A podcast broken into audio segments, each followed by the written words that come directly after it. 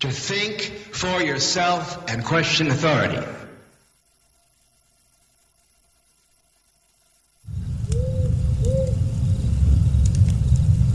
Uhuhu. Trochę inny las oczywiście dzisiaj, wyjątkowo, a nie wiem czy wyjątkowo, będzie się zmieniał. Książę ma nowy dźwięk, a my mamy ognisko. Słyszysz? Ognisko, jest wieczór, jesteśmy gdzieś w lesie. Znaczy nie do końca, słuchaj, że nie jestem w lesie, ale powiedzmy, że mam w słuchawkach. Także witam Cię w hiperprzestrzeni. Ty też masz w słuchawkach i hiperprzestrzeń. Ja mam na imię Tomek. Jak zwykle jest sobotni piękny wieczór, ja mam piękny księżyc za oknem, myślę, że u Ciebie dokładnie taka sama sytuacja, pełnia zdaje się dzisiaj. Musiałbym sprawdzić, mam ze sobą kawę, chleb mi rośnie w piekarniku, dlatego dzisiaj lekkie spóźnienie o parę minut, albo wiesz, doglądałem chleba, bo tam rośnie. I będzie dzisiaj pieczony chleb, co jeszcze, mikrofon poprawię sobie, o właśnie, już mi lepiej. I w ogóle lepiej. I, z, I co ja chciałem powiedzieć, że oczywiście audycja jest w radiu na fali, ale ciągle jeszcze na streamowana na łączach Radia Paranormalnym, za co dzięki wielkiej Weliosowi za cierpliwość, bo ja tak się zbieram z tym po prostu, jakbym się w ogóle z tym nie chciał zebrać. No ale to troszkę zajęć obowiązków i ciężko mi wrócić e, troszkę do takiej e, tyry, bym powiedział, przy radiu, takiej non-stop. No bo to jest taka tyra non-stop i tak muszę się ogarnąć z kilkoma sprawami i tak się zbieram, zbieram, zbieram, wiesz one man band troszeczkę, no nie do końca, bo tam jest książę Edward i jakoś tam sobie radzimy, także wszystko jest ok. Co jeszcze chciałem powiedzieć? Właśnie, zapraszam do księcia Edwarda i szybciutko gwoli ścisłości, bo możecie wiedzieć, gdzie są archiwa, bo wszystko jest kompletnie w, w rozsypce, w bałaganie. Z chaosu wyłoni się Feniks! Feniks! E, chciałem powiedzieć, oczywiście. No więc archiwa znajdziesz sobie na czasnu.com tak to się nazywa. Tutaj u Grzegorza dokładnie. Pełnia. Grzegorz mi potwierdza, że jest pełnia. W ogóle nawet sprawdzę sobie. Ja dzisiaj też byłem taki troszeczkę, wiesz, kosmiczno-piramidalny, jak zwykle ostatnio. Jest las, słuchaj, dorzucę troszeczkę do ognia tego drewna. Czy jakoś tak. Wyobraź sobie, że po prostu... O, o, o, o, mamy, kurde, gości tutaj. Ptaki, wiesz, kruki...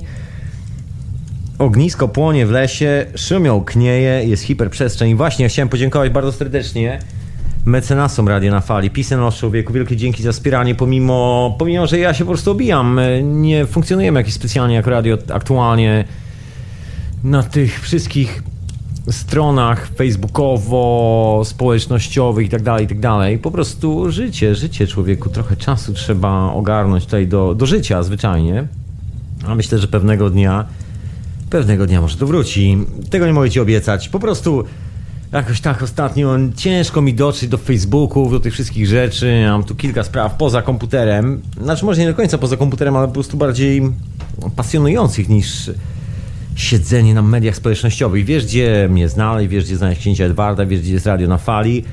Archiwa, archiwa etykiety zastępczej, czyli audycji księcia znajdują się na stronie Czas Snu, tam są też archiwa hiperprzestrzeni, oprócz tego archiwa hiperprzestrzeni aktualnie na Radiu Paranormalium.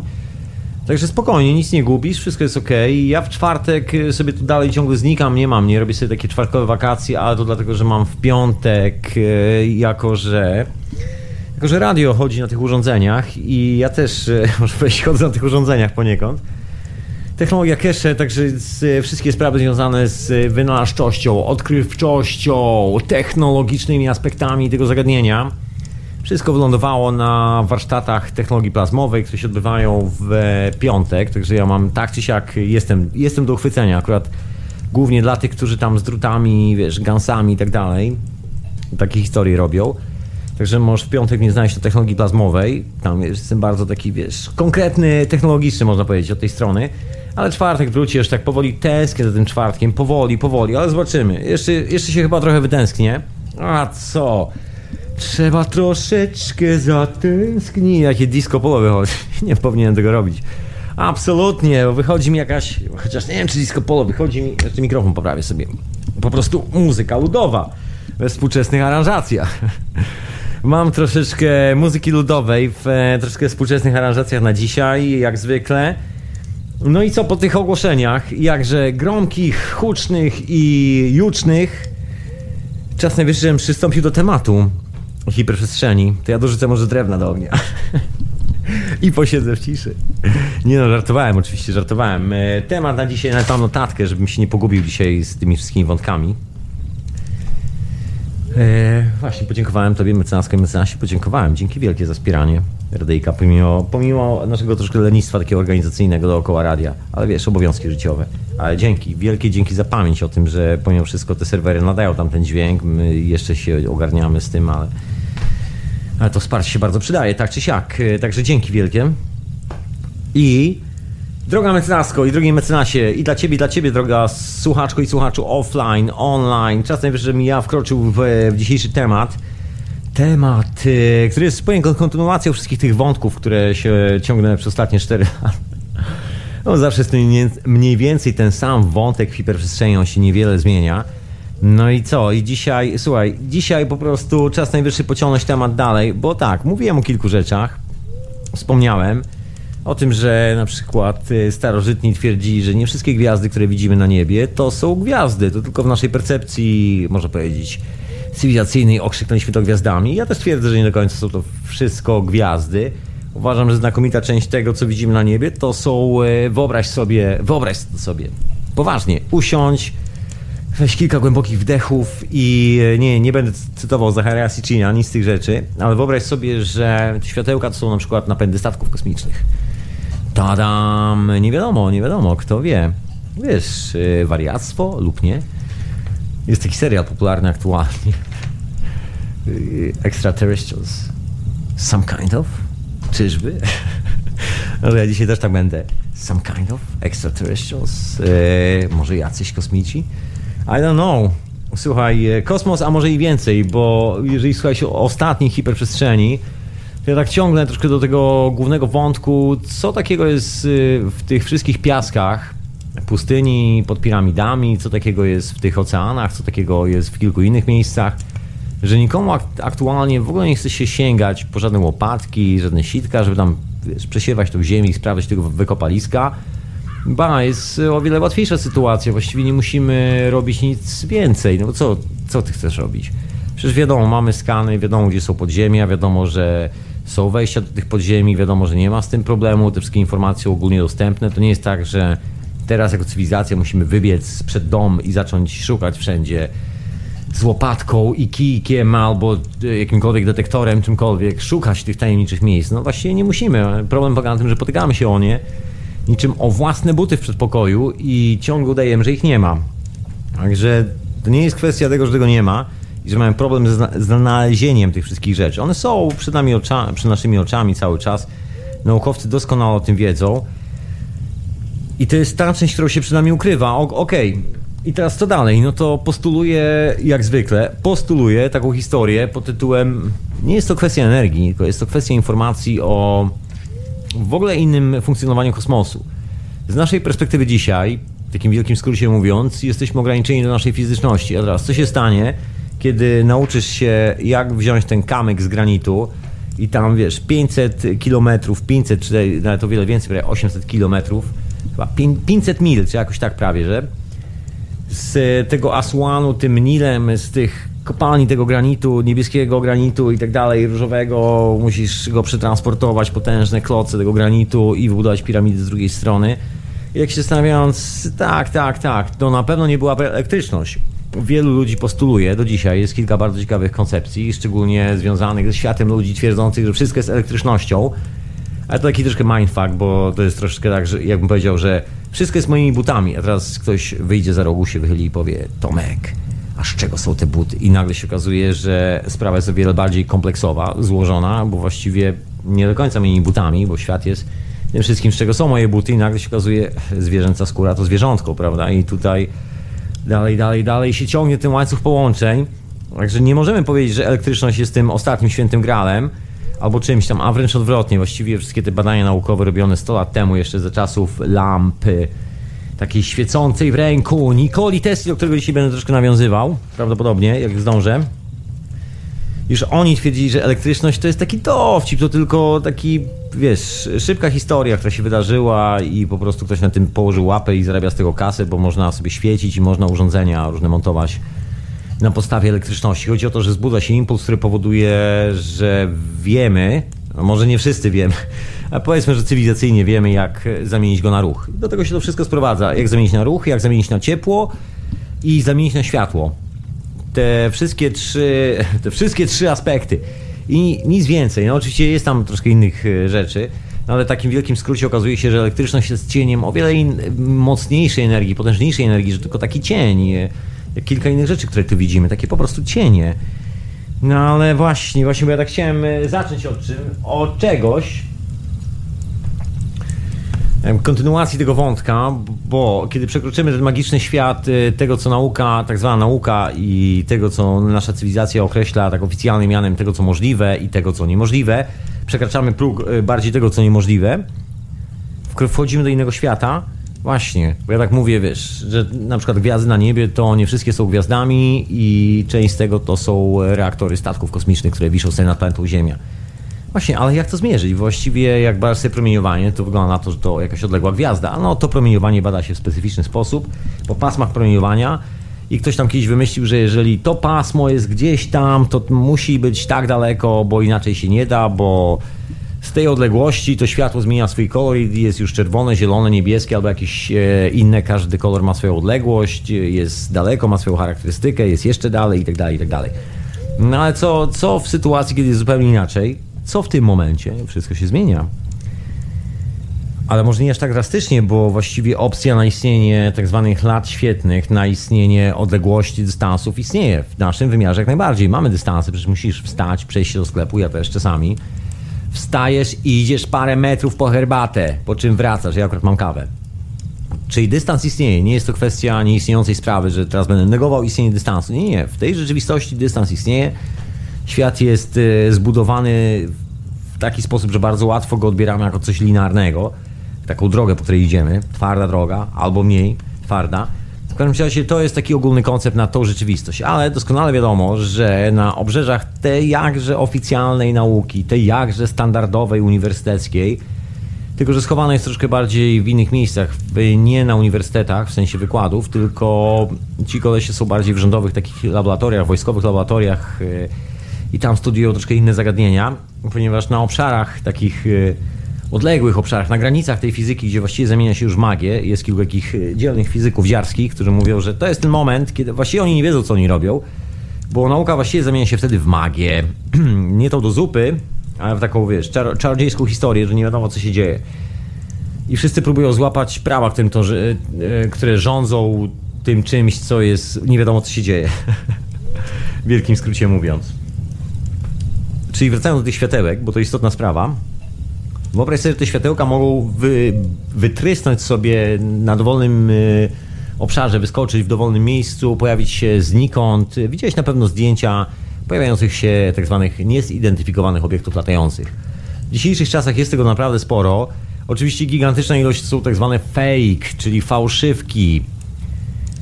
No i jest tego trochę, ale oprócz tych fałszywek jest masa normalnych dokumentów, takich konkretnych.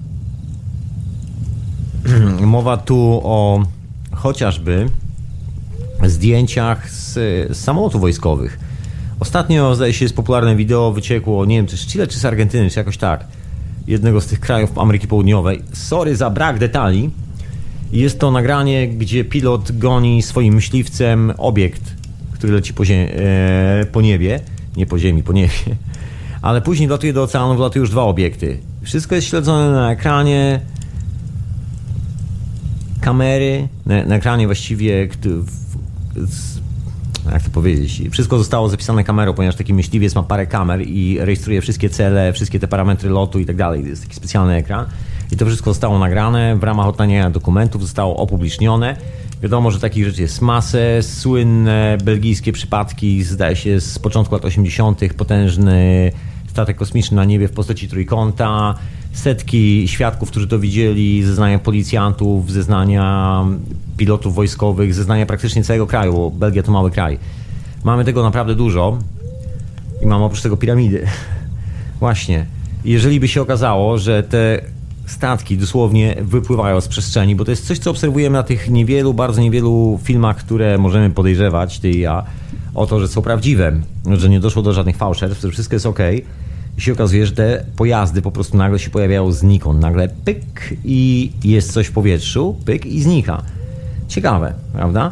No więc moja y, konkluzja na dzisiaj jest mniej więcej taka, że to nie tylko kwestia informacji, która została zablokowana przez grupę ludzi, która nie chciała nas dopuścić do tego, żebyśmy się dowiedzieli, że jest coś więcej niż planeta Ziemi, że jest coś więcej niż nasza fizyczna, grawitacyjna powłoka w postaci fizycznego ciała i fizycznej rzeczywistości trójwymiarowej, takiej, że mogę sobie puknąć stół i on się nie rozsypie, że jest coś więcej i że to więcej to nie jest kosmos w takim ujęciu, którym my traktujemy w dzisiejszych czasach, taki, wiesz, jakby ci to określić, bardzo pejoratywnie oczywiście, czyli z negatywnym wydźwiękiem, mówiąc po polsku, taki Discovery Channel, że po prostu jest bullshit od y, góry do dołu i od dołu do góry. Nieustanny i wszystko jest oparte na przeliczaniu jakichś odległości kosmicznych, lat świetnych, napędów nie wiadomo jakich, rakiet, wybuchów, eksplozji, że to coś w ogóle pomoże, że to jest właśnie to penetrowanie kosmosu, że my w skafandrze gdzieś tam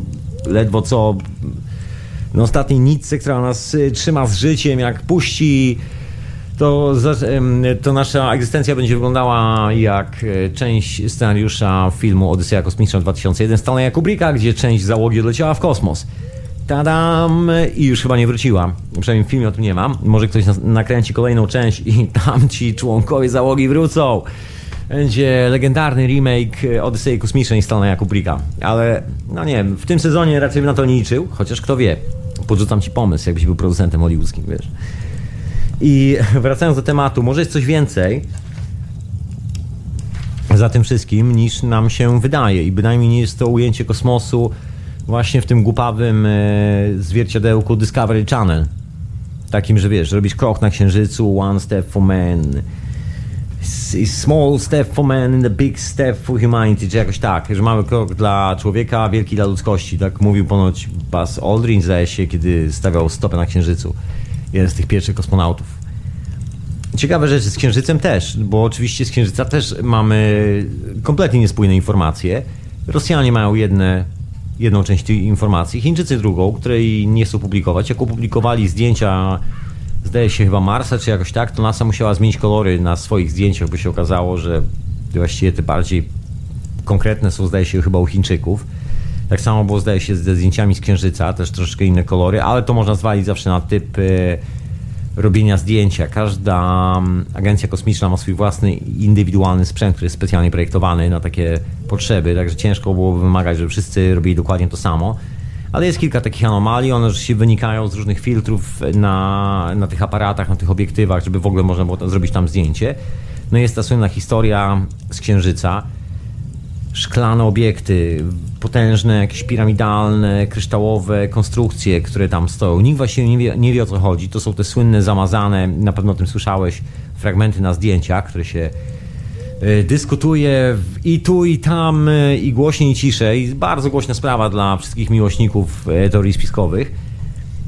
Widać te łuny orgonalne dookoła kosmonautów. Inni twierdzą, że w ogóle ich nie było na Księżycu. To może zostawmy ten temat. Że chodzi tylko o cywilizację że są ponoć ślady, bo do tego zmierzam, bytności jakiejkolwiek cywilizacji na Księżycu. Są. Jest ta słynna twarz na Marsie.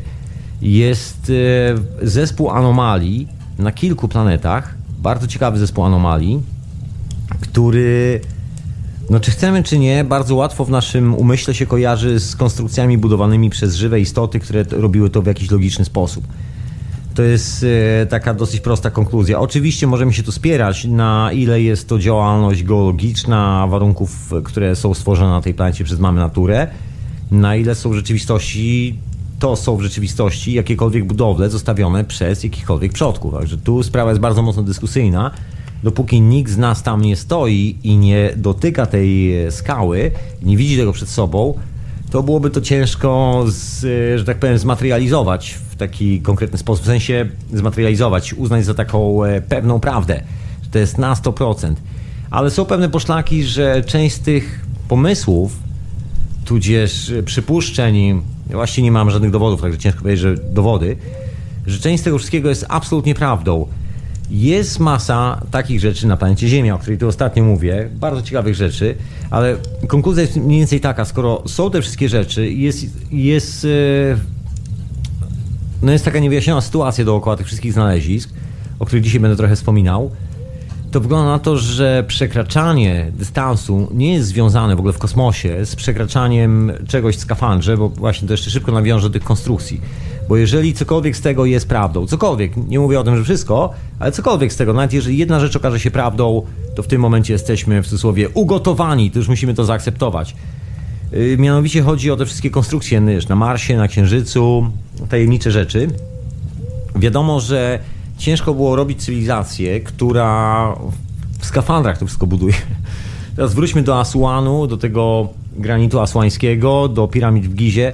Wyobraź sobie taką armię 200 tysięcy ludzi. Wszyscy przebrani w skafandry kosmonautów, rozumiesz? Transportują, e, transportujących potężne skały i budujących jakieś e, konstrukcje gdzieś tam w kosmosie, w skafandrach kosmicznych. Przecież to jest e, z angielskiego mówiąc insane, czyli bez sensu. Nie ma tu ani składu, ani logiki, ani niczego. Przecież nikt nie jest w stanie w ten sposób zrobić. Widziałeś zdjęcia, jak kolesie wychodzą na tej stacji orbitalnej ISIS, czy, czy gdzieś tam w kosmosie. Okej, okay, kolejna kwestia, która wiesz, jest dyskusyjna. Czy ISIS naprawdę tam są ludzie, czy też jest to Blue Box, który jest kręcony gdzieś w studiach NASA. Bardzo ciekawe zdjęcia, które wyglądają na to, że część z tego materiału na ISIS może być jakoś podpuchą lekką, bo są jakieś zdjęcia z blueboxami, gdzie kosmonauci są ustawieni w ten sam sposób, ale nie mam pojęcia. Jest to kolejna dyskusyjna sprawa. Jak wiesz, w dzisiejszych czasach teorii spiskowych i koncepcji nie brakuje, a nawet jakichś takich szla, sz, kawałków poszlak, które mogłyby sugerować, że być może coś w tym jest. W każdym razie, no nie wyobrażam sobie, żeby ktoś zakładał skafandry, te wszystkie urządzenia jeżeli widziałeś te wyjścia w kosmos, to kolesie ledwo co mogą tam dokręcić e, kluczem taki kawałek śrubki, jeżeli coś się stanie, żeby mogli wrócić na Ziemię, się nie rozsypali na tej orbicie, w, tym, w tej stacji orbitalnej, że im powietrze nie odpłynęło całe w kosmos. Czyli to nie jest tak, że ty weźmiesz skafander kosmiczny i wykonasz e, precyzyjną operację, budując wielkie, potężne metropolie gdzieś tam w kosmosie.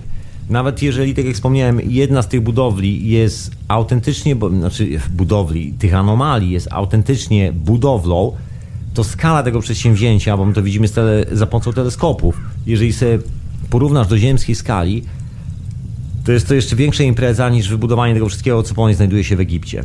To teraz wyobraźmy sobie te setki, tysiące, setki tysięcy ludzi w skafandrach kosmicznych próbujących budować coś z cegły. Jaki byłby sens budowania czegoś e, na nasz wzór, skoro i tak musimy ciągle chodzić w skafandrach. Jakby to też jest takie bardzo dyskusyjne. I teraz pytanie, czy właściwie sposób, w jaki nasza cywilizacja potraktowała za pomocą e, rakiet kosmos, jaki nam się opowiedziało tą historię, nie jest jakąś taką centralnie ściemą, nieprzeciętną ściemą. Jest słynna historia związana z podróżowaniem po morzach i oceanach. Jest coś takiego jak e, Shaggy, tak to się nazywa. Sunstones, czyli e, kamień słońca, po polsku tłumacząc z angielskiego. To jest piry, to, to jest taki rodzaj shag, och, zapominam nazw. Piryt i shag, takie minerały, podobne do kwarcu. Przejrzyste. Mam to tutaj taką kosteczkę, nawet trzy, trzy takie kosteczki. Pokazują ci zawsze, gdzie jest słońce, niezależnie od tego, ile jest chmur na niebie, czy są niskie, czy daleko, czy słońca nie widać, czy widać. Jeżeli jest tylko jasno, od razu widzisz po kamyku, w którym kierunku jest słońce, nawet jeżeli chmury go zasłaniają. I to był kamyk używany przez ludzi do żeglowania. Zabawna historia. Krzysztof Kolumb doskonale wiedział, gdzie płynie, doskonale wiedział, jak płynąć, umiał posługiwać się tym kamykiem. I żeby było zabawniej, nawet miał e, jakieś e, wstępne mapy tego, gdzie płynie. Rozumiesz? A my udajemy, że lecimy w kosmos i udajemy, że nic tam nie ma. Oczywiście chodzimy po Ziemi, która jest zryta wiesz, piramidami, tymi wszystkimi rzeczami, które się tam głęboko, głęboko znajdują. I teraz pytanie, w jaki sposób, e, wiesz, odbywały się te wszystkie podróże? Bo na pewno nie były to rakiety, na pewno nie była to technologia, o której my teraz mówimy. Od 100 lat raptem mamy ten prąd elektryczny i to jest w takiej opinii publicznej, można powiedzieć, w takim stereotypie cywilizacyjnym, to jest energia, prąd elektryczny, ale to jest bullshit, taki kolejny, bo to raptem ma 100 parę lat z kawałkiem, i tylko dlatego jest to energią, ponieważ kilku kolesi dokładnie w 1883 roku na giełdzie nowojorskiej ustanowili to jako standard energii dla miasta Nowy Jork. To też nie całego, tylko dla Manhattanu. Chodziło o zasilanie, dodatkowe zasilanie czego? komunikacji pomiędzy giełdą a inwestorami. I oni sobie siedzieli, te tłuste koty u siebie w domu, w apartamentach, no i na giełdę dzwonili. Żeby nie używać telegramu, to dzwonili ręcznie, bo wiadomo, że trzeba było się napisać, a tak jak człowiek coś powiedział, to wie, wiesz, nie ma śladu, bo jak ktoś zapisywał informacje, zawsze ślad zostawiał.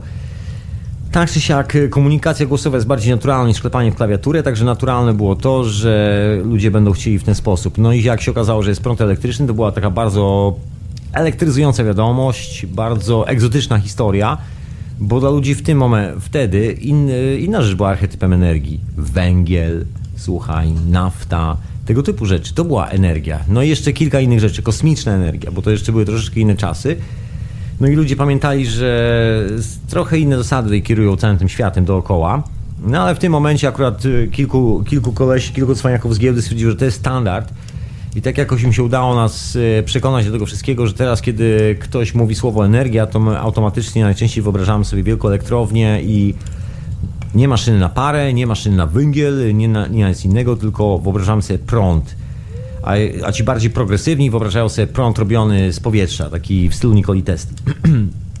Jest tak zwana fala magnetyczna, fala skalarna, e, prądy teluryczne. Och, e, dużo opowieści na ten temat. No ale wróćmy troszkę do, do tej konkluzji, bo jeżeli okej, okay, jeżeli to uznaliśmy za energię, to jest to takie bardzo mocne ograniczenie naszej percepcji. Wyobraź sobie, że wszystko jest informacją, tak jak mówiłem chyba w poprzedniej hiperprzestrzeni. No i teraz nie musimy używać prądu elektrycznego, nie, musimy, nie musimy używać tego standardu. To jest tylko standard wymyślony raptem niecałe 100 lat temu. To jest trochę tak, jakby ktoś teraz rzucił mi na stół kostkę sprasowanego siana i powiedział, stary, to jest energia. I faktycznie 500 lat temu to by była energia, bym wziął tą kostkę siana, poszedł do stajni, nakarmił konia i pojechał na tym koniu gdzieś, gdzieś tam hen hen daleko i załatwił być może jakąś energetyczną sprawę. No, ale w dzisiejszych czasach, jak mi ktoś rzuci taki kawałek słomy na, na biurko, to nie jest to energia. I to jest dokładnie ten paradygmat, w którym my tkwimy strasznie mocno. To jest paradygmat, myślę, związany bardzo mocno z piramidami, bardzo mocno właśnie z próbą odkrycia i odkodowania tych wszystkich zamieszłych historii z przeszłości, tej tajemniczej przeszłości. No i teraz sobie wyobraź, że kosmos to jest jedna granica, w ogóle sama ta informacja, której częścią jest energia, to jest tylko jedna granica, której nam się nie chce powiedzieć, ale ta granica jest o wiele bardziej złożona. Za nią czai się o wiele grubsza historia i o wiele poważniejsza. A ta historia nazywa się wielowymiarowość. I bynajmniej e, parafrazując e, tą moją historię związaną z tym, że ja uważam, możesz się ze lub nie, że kilka gwiazd, nie będę ci mówił ile, mogę ci powiedzieć, że bardzo dużo. Kiedyś ci pokażę, jak sobie siądziemy w ogródku, jak będzie taka okazja. Anyway, i będzie gwieździste niebo, bo to widać, przynajmniej ja tak twierdzę. Wiesz, zwariowałem, słuchaj, widzę statki kosmiczne na niebie, ale widziałem je parę razy w życiu i to tak normalnie w cztery oczy, że tak powiem, w cztery oczy, ja i statek kosmiczny.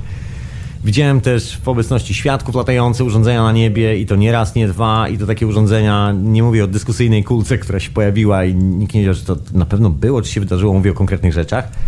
Szczęśliwie mi się tak w życiu układało, że, że spotykam braci czasami i to nie kiedy jestem w pojedynkę, tylko kiedy jestem jeszcze z ludźmi. I bardzo ciekawe rzeczy obserwuję z e, różnymi ludźmi w swoim życiu. Anyway, te wszystkie konkluzje, wszystkie te obserwacje doprowadziły mnie do tego, żeby wreszcie ubrać to w kolejną konkluzję, że właśnie to są statki kosmiczne, ale one siedzą w innym wymiarze i ten wymiar on się manifestuje w taki dziwny sposób, że kiedy patrzę na tą gwiazdkę na niebie, wezmę to urządzenie do pomiaru pasm, spektrów pasm widmowych, bo tak to się nazywa, i zrobię sobie pomiary i na przykład się okaże, że tam jest e, promieniowanie beta, teta i tak dalej, i tak dalej, wszystkie te konkretne promieniowania w konkretnych proporcjach, to wcale nie oznacza, że jest to odległa galaktyka, kamienny karzeł, żelazny karzeł imieniem Wasyl, który krąży gdzieś w kosmosie odległości 50 milionów gazylionów lat świetnych.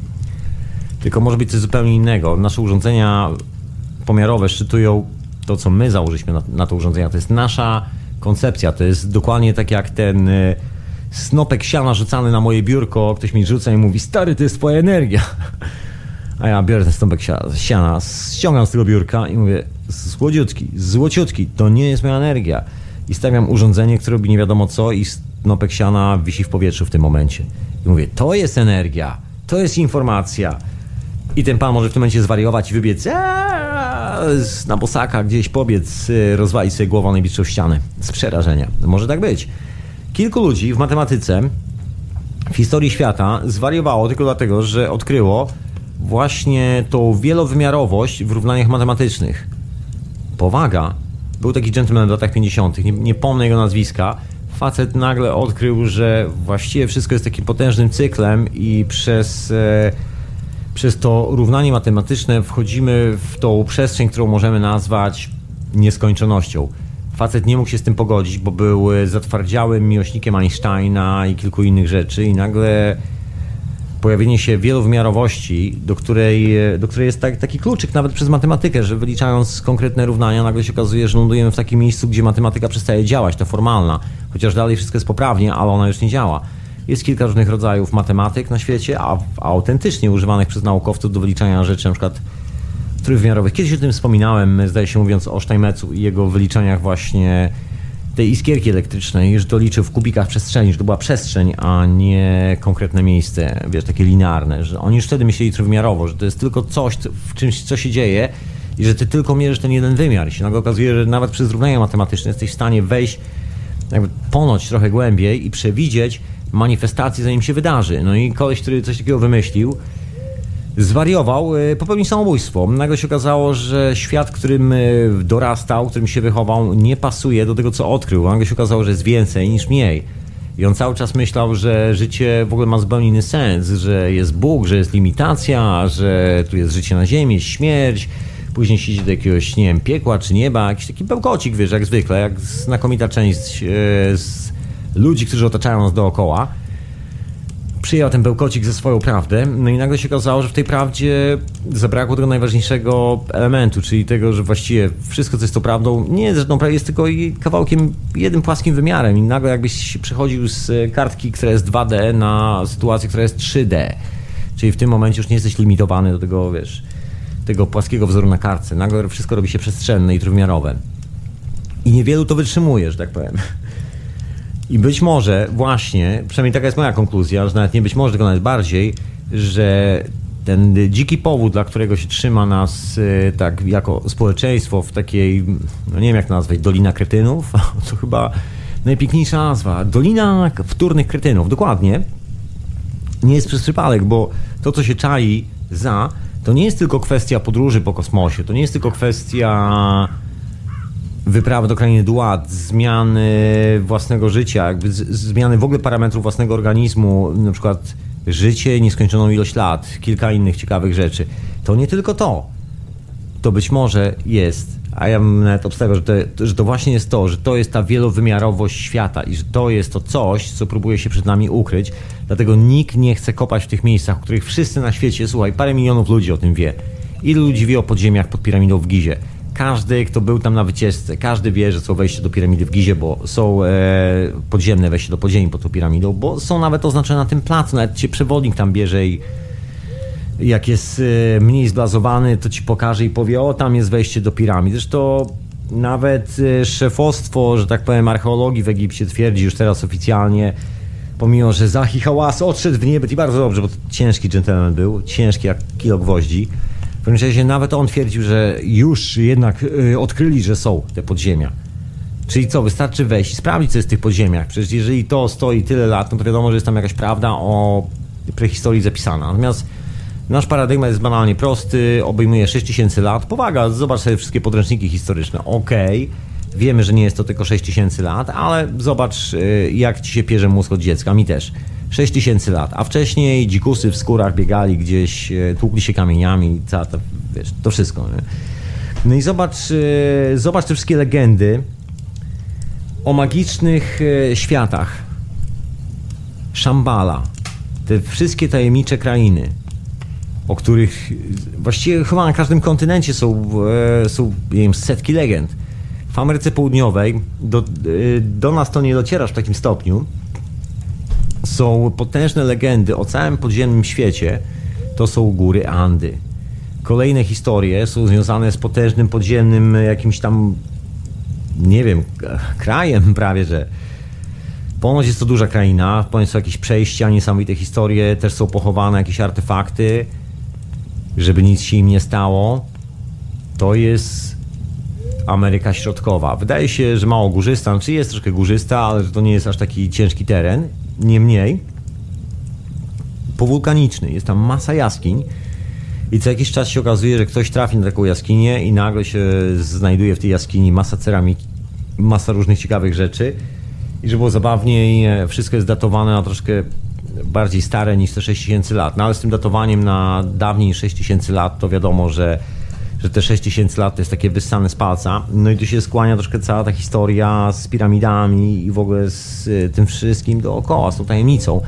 I ona jest dosyć ciekawie połączona z e, tym oficjalnym światem nauki, bo tak wspominałem o tych oficjalnych fizykach, że na tych ob obrzeżach oficjalnej fizyki są bardzo ciekawe rzeczy robione. Tylko o nich się po prostu nie mówi. To jest to badanie wielowymiarowości kosmosu. Normalnie nikt ci tego nie powie. Normalnie pokazuje ci się kolesia w skafandrze, który tam próbuje przykręcić śrubkę na zewnątrz e, swojej stacji kosmicznej. A w rzeczywistości, jeżeli ktoś budował cokolwiek, gdziekolwiek w kosmosie, nie tylko budował, bo ale do tego zaraz wrócę, to raczej opcja na skafandry jest chyba najbardziej głupią opcją i najbardziej słabą. Jeżeli masz moc i energię, żeby wbudować takie rzeczy, które stoją na Ziemi, to zapewne masz moc i energię, albo informacje przede wszystkim. Myślę, że to chyba najważniejsze. Masz informacje, jak robić to bez y, targania się na swoje, o swoje własne życie, bo właściwie taki skok y, ze skafandrem na zewnątrz kosmosu to takie troszkę ryzykowne zajęcie. Cokolwiek się stanie, to ciebie już tam nie ma. I te legendy legendami, a oprócz legend pozostało troszkę więcej. Rzecz troszkę bardziej poważna, a mianowicie tajne stowarzyszenia, które są schowane za fasadą tych oficjalnych stowarzyszeń, takich jak Watykan. Jednym z takich stowarzyszeń jest, bardzo ciekawe zresztą, Stowarzyszenie Rycerzy Maltańskich. To jest y, organizacja, która się uważa za właściwie taki pierwowzór masonów. Masoneria to taka armia żo tanich żołnierzy, mięsa armatnie dla y, dla owych e, rycerzy maltańskich. To w ogóle ciekawe zagadnienie, bo to jest państwo w państwie. Oficjalnie ci ludzie mają paszporty watykańskie, ale w paszportach watykańskich e, akurat nie widziałem, nigdy nie miałem w ręku oryginalnego właśnie takiego paszportu. Kiedyś, jak będzie okazja, to sobie chętnie go obejrzę. Nie chodzi o watykański paszport, ten akurat wiem jak wygląda, ale chodzi o paszport, którym się legitymują dżentelmeni, którzy nazywają się rycerzami maltańskimi. Bo to jest ciekawe zagadnienie zakon, który powstał w Watykanie, ale nie jest dzieckiem Watykanu. Jest to dziecko, że tak powiem, agencji archeologicznych y, typu Różokrzyżowcy. To jest dziecko tego plądrowania Bliskiego Wschodu, które już trwa od 2000 lat, od kiedy Rzym się uzbroił po zęby. I wiadomo, że część tej wiedzy było, ona, ona tu cały czas jest, te podziemia cały czas są. To, że teraz nie można do nich wchodzić, nie znaczy, że w Jerozolimie nie można było wchodzić do podziemi 2000 lat temu albo 1000 lat temu i szukać konkretnie reaktorów. Tak jak zrobili to różokrzyżowcy, wjechali do Jerozolimy i zaczęli przekopywać praktycznie wszystko, co się dało, żeby znaleźć Arkę Przymierza. I nie jest to żadną tajemnicą, nie jest to zagadką.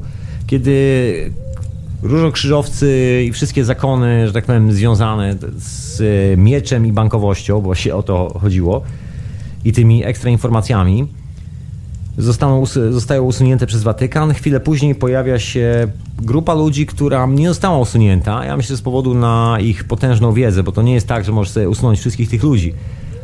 Nawet naziści doskonale o tym wiedzieli, że nie mogą usunąć kilku ludzi, bo jak ich usuną, to nie będą mieli opcji wybudowania Wanderwaffe, czyli tej cudownej broni. I nie będzie, nie będzie sensu budowania podziemi w w Kotlinie Kłodzkiej, e, w Wałbrzychu, w tych okolicach, budowania tego kompleksu Rize i tak dalej, i tak dalej. Bo przecież po co by to było, jakby nie było inżyniera, który nie potrafiłby zbudować tego latającego pojazdu. Nie byłoby żadnego sensu, więc lepiej, żeby inżynierowie pracowali dla nas i razem wspólnie z nami. Także pewnych inżynierów się zawsze ceni, ewentualnie się zastrasza. Wiesz, jak to wygląda. Myślę, że doskonale znamy historię współczesnych wynalazków, gdzie nie raz, nie dwa się działy różne dziwne historie.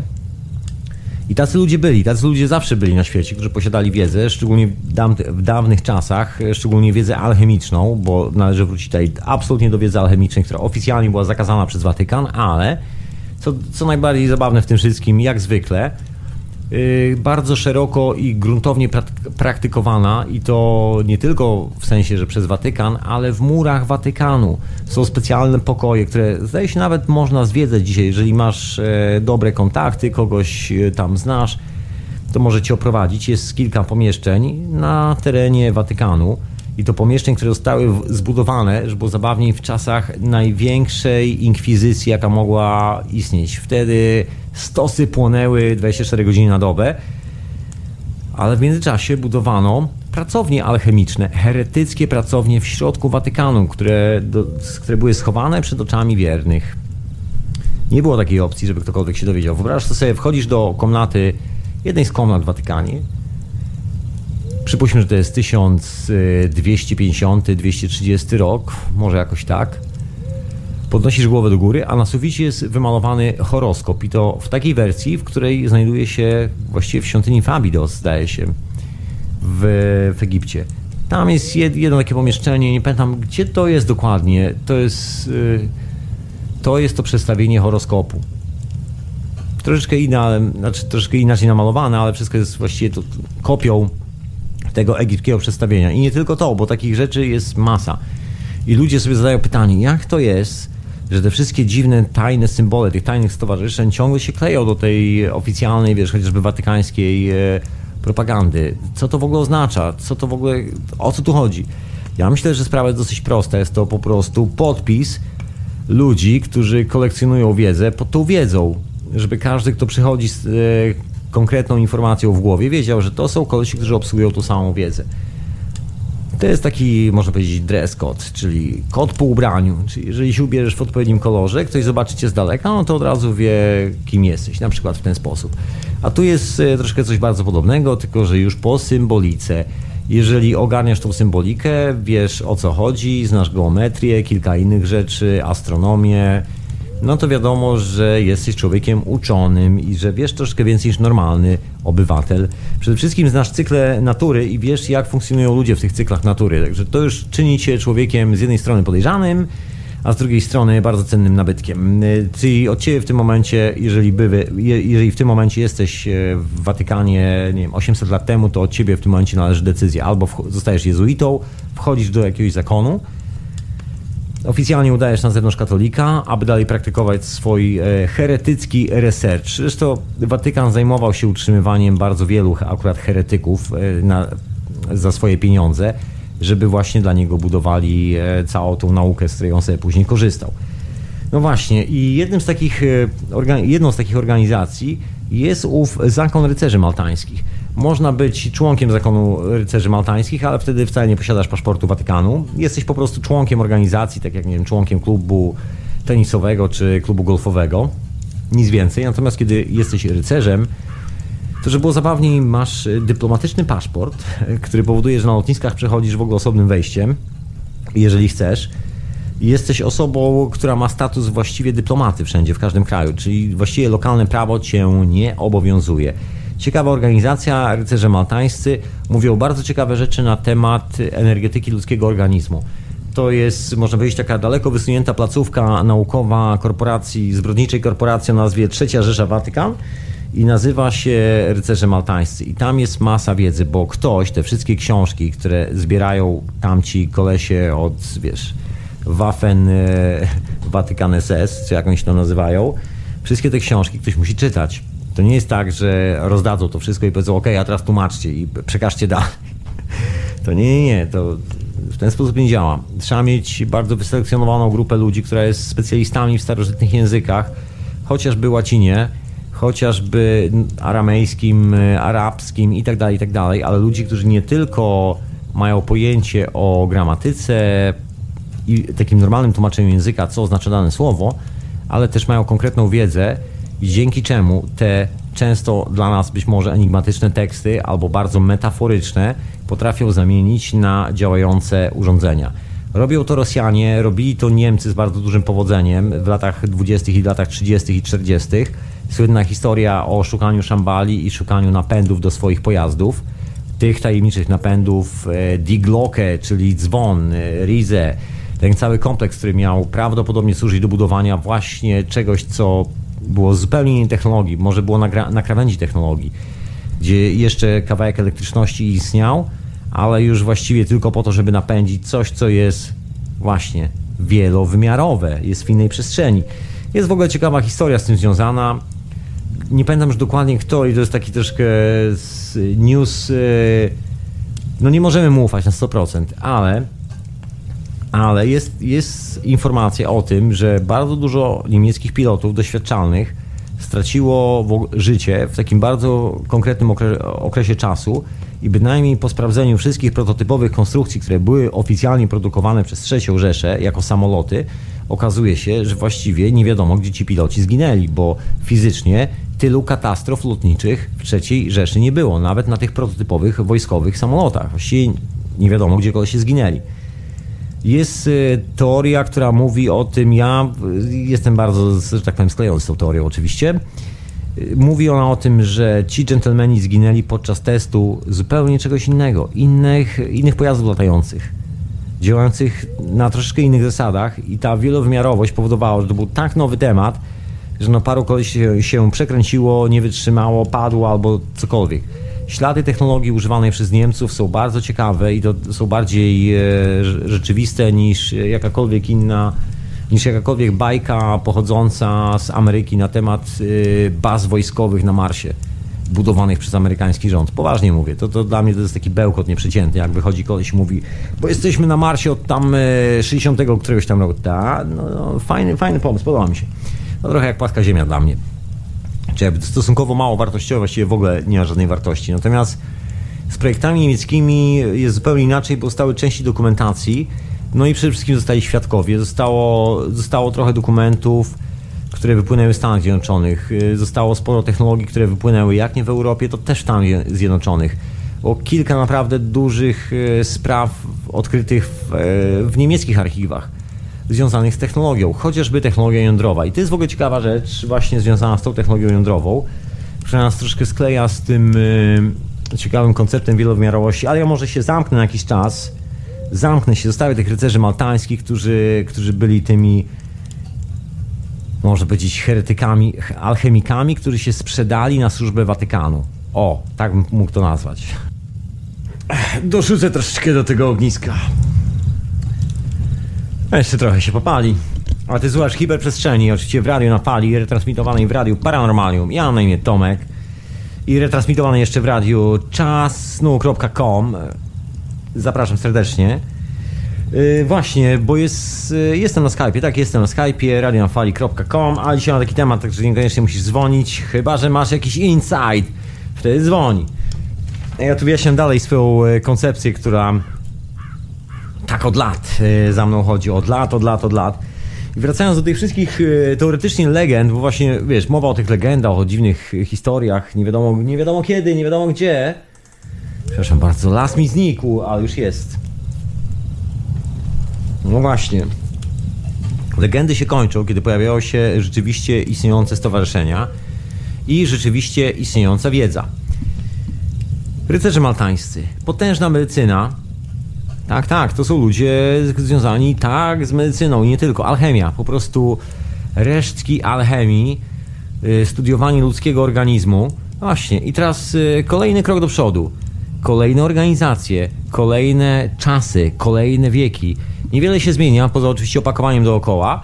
Kiedy na moim stole ląduje już y, turbina Tesli albo generator Tesli, a nie kostka siana do żarcia dla konia, zmieniają się czasy, zmieniają się zasady, i no co, pewne rzeczy dalej zostają te same, czyli jak się okazuje, no właśnie, badania Fundacji Rockefeller, bo, bo ta wielowymiarowość jest intrygująca. Wiemy, że ona nieustannie jest. Cały czas, nawet Goethe o tym pisał. Cały właściwie Faust jest taki, że tak powiem, przetykany tą informacją nieustannie. Praktycznie wielu innych jeszcze przed Goethe grubo pisało. Wielu alchemików w ten sposób odkrywało swoje rzeczy, bo to jest ta alchemiczna prawda, że nie wszystko, co znajduje się dookoła nas, jest właściwie tutaj. nie wiem, jak to brzmi. To troszkę tak jak ja byłbym tutaj, ale tylko swoją częścią. Druga część jest gdzieś indziej. Słynna legenda z niesamowitymi proszkami rozsypywanymi przez starożytnych, które miały niesamowite właściwości. Do dzisiejszych czasów dotrwało to pod nazwą Ormus i jest sprzedawane w ten sposób. Jest taka legenda budowana, że to był Ormus i tak dalej. W rzeczywistości chodzi o troszeczkę bardziej złożoną sprawę o koncept właśnie tej wielowymiarowości, bo normalne jest to, że pewne rzeczy, pewne substancje są, ale ich nie ma.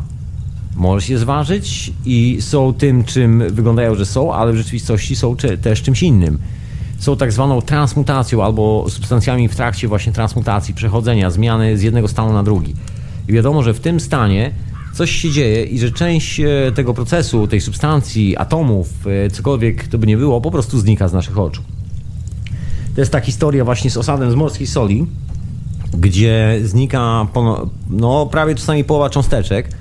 Słynna historia z tym, co jest nazwane złotem monoatomowym.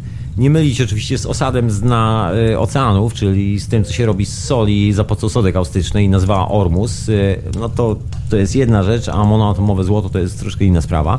W każdym razie numer polega na tym, że mamy substancję, która oryginalnie jest czymś. Jeżeli weźmiesz to już tak bardzo naukowo w dzisiejszych czasach, normalnie rozrzucisz, wyobraź sobie, że masz substancję, która ma 64 protony na przykład z neutronami dookoła.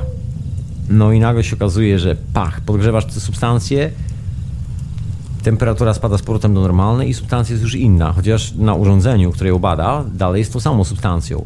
Ale już z tych 64 powłok zmniejsza się ilość do na przykład połowy, czyli przypuśćmy do 320, do 32 powłok. To jest dalej ta sama substancja, ale masz inne właściwości. Wygląda trochę tak, jakby nasz ulubiony pies wszedł e, do lustra i zniknął do połowy w lustrze. Druga połowa psa jest gdzieś w lustrze. Albo wszedł, albo zniknął. Po prostu widzimy tylko połowę istoty. Ta istota robi pstryk palcami i się pojawia cała. Mi to się bardzo mocno kojarzy z tym, co widziałem na własne oczy, jeżeli chodzi o pojazdy latające na nieboskłonie, niekoniecznie pochodzące z tej planety. Przynajmniej z tej cywilizacji, może z tej planety tak, ale na pewno nie z tej cywilizacji tu i teraz, tego co nazywamy cywilizacją. Absolutnie, to się po prostu pojawia nagle, wychodzi, wychodzi jakby z szafy. Zawsze przypomina mi się kreskówka, taka stara amerykańska kreskówka z trusiem pędź wiatrem i kojotem i kojot na przykład miał takie walizki, że na środku pustyni otwierał taką walizkę i wyciągał z niej z, yy, z mojej walizki wyciągał budkę telefoniczną.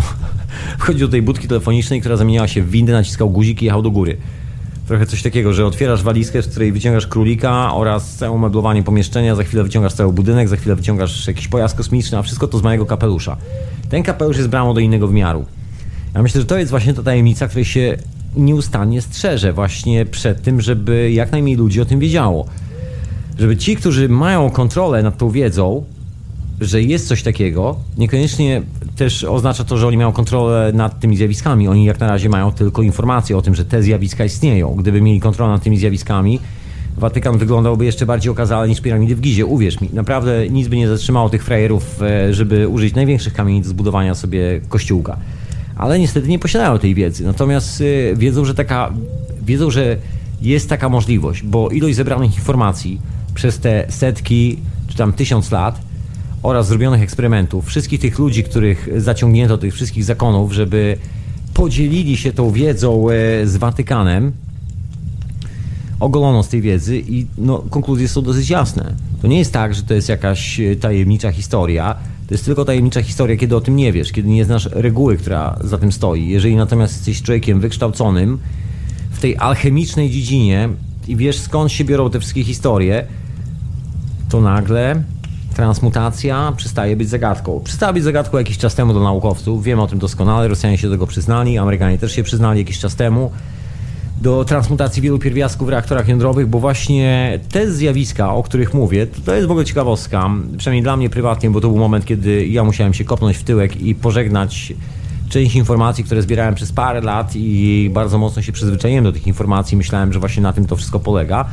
gdyby nie, właśnie, gdyby nie y, rzucenie okiem na te zjawiska, które dochodzą w reaktorach jądrowych.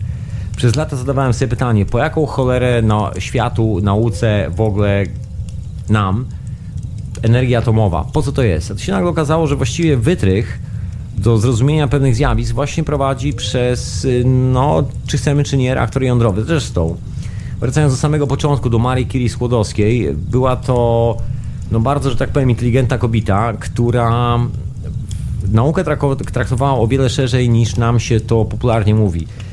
Czym się zajmowała właściwie Marii Curie Skłodowska, poza tym, że nam się oczywiście mówi, że to pierwiastki radioaktywne i tak dalej, i tak dalej, razem ze swoim mężem, ta pani zajmowała się badaniem e, głównie tych niewyjaśnionych zjawisk i postulowała właśnie, e, że jest rodzaj niewidocznej radiacji, która jest związana z magnetyzmem, który odpowiada za pojęcie grawitacji że kiedy to że tak powiem, trafi w nasze ręce, kiedy to będziemy mogli kontrolować, to w tym momencie będziemy mogli kontrolować grawitacji. I żeby było zabawniej, zajmowała się badaniem ludzi, którzy fizycznie lewitują. I nie jest to bynajmniej dowcip. W ich państwa Kiri, oczywiście, salonie były bardzo ciekawe eksperymenty przeprowadzone. Bardzo ciekawe. Ludzie latali, unosili się nad ziemią w otoczeniu nie tylko małżeństwa Skłodowskich, tylko Kiri, Kiri tylko w otoczeniu ich przyjaciół, e, ówczesnych, światłych ludzi nauki, można by tytuły i nazwiska długo wymieniać. Na pewno kilka z nich doskonale znasz, bo trafiło do historii. Jak nie nauki, to literatury i kilku innych dziedzin. W każdym razie towarzystwo było takie zasne. Grono się zbierało i szukało jakiegoś medium i czasami się pojawiało takie medium, ktoś, kto potrafił unieść się nad ziemię, ktoś, kto potrafił zrobić coś, co jest niewytłumaczalne z newtonowskiego punktu widzenia który był narzucony i właściwie został narzucony światu przez Imperium Brytyjskie, bo nie ma w tym ani grama nauki poza y, próbą dominacji nad tą nauką. W każdym razie ta historia z atomem długo dla mnie tajemnicza, nagle przestała być tajemnicza, kiedy się okazało, że właściwie y, te zjawiska, o których jest mowa, te zjawiska, które są na naszej planecie, występują w bardzo przyspieszonych procesach w reaktorach jądrowych, tylko tam oczywiście od drugiej strony, bo to są promieniotwórcze substancje, no ale wiesz, zjawisko jest to samo, tylko że jakby drugi koniec kija. No i tam się dzieje dokładnie to samo. Też substancje nagle gubią część swoich mas y, protonowo-neutronowych i tak dalej, i tak dalej, zamieniają się, znaczy i zamieniają się po prostu w inne substancje. Ciekawa rzecz, czyli jednak ta transmutacja istnieje. No i ona istnieje w o wiele szerszym wymiarze, bo jeżeli wiesz jak to zrobić, wiesz jak zbudować reaktor z naturalnych roślin, naturalnych substancji itd., tak itd., tak no to zamieniasz się powoli w alchemika. Takie reaktory robią szamani. To jest y, taka cicha tajemnica, która jest schowana za tą całą szamańską wiedzą. Nam się dużo różnych rzeczy opowiada, ale w rzeczywistości to jest właśnie ten moment, kiedy starszy człowiek bierze sobie kawałek patyka, rozejrzy się po roślinach dookoła, zerwie parę listków z jednego z krzewu, parę listków z drugiego, położy jakieś dwa kamyczki, weźmie patyczek i zacznie coś tym wykonywać na piasku. Taki niewielki rysunek rozłoży to przed sobą Mija dosłownie niecałe 5 minut i spada rzęsisty deszcz. A pan sobie poprzesuwa te kamyki i nagle wychodzi słońce. I teraz jest pytanie, jak on to robi, ponieważ na pewno nie jest to siła związana z kamykami, ponieważ żaden z tych kamyków nie jest reaktorem jądrowym, nie jest y, akceleratorem w CERNie, nie ma takiej mocy, ale jest coś, co powoduje, że bardzo niewielkie moce, dzisiejsza nauka nazywa to skalarny, matematyka skalarna, fizyka, fizyce się to stosuje, właśnie w reaktorach jądrowych i nie tylko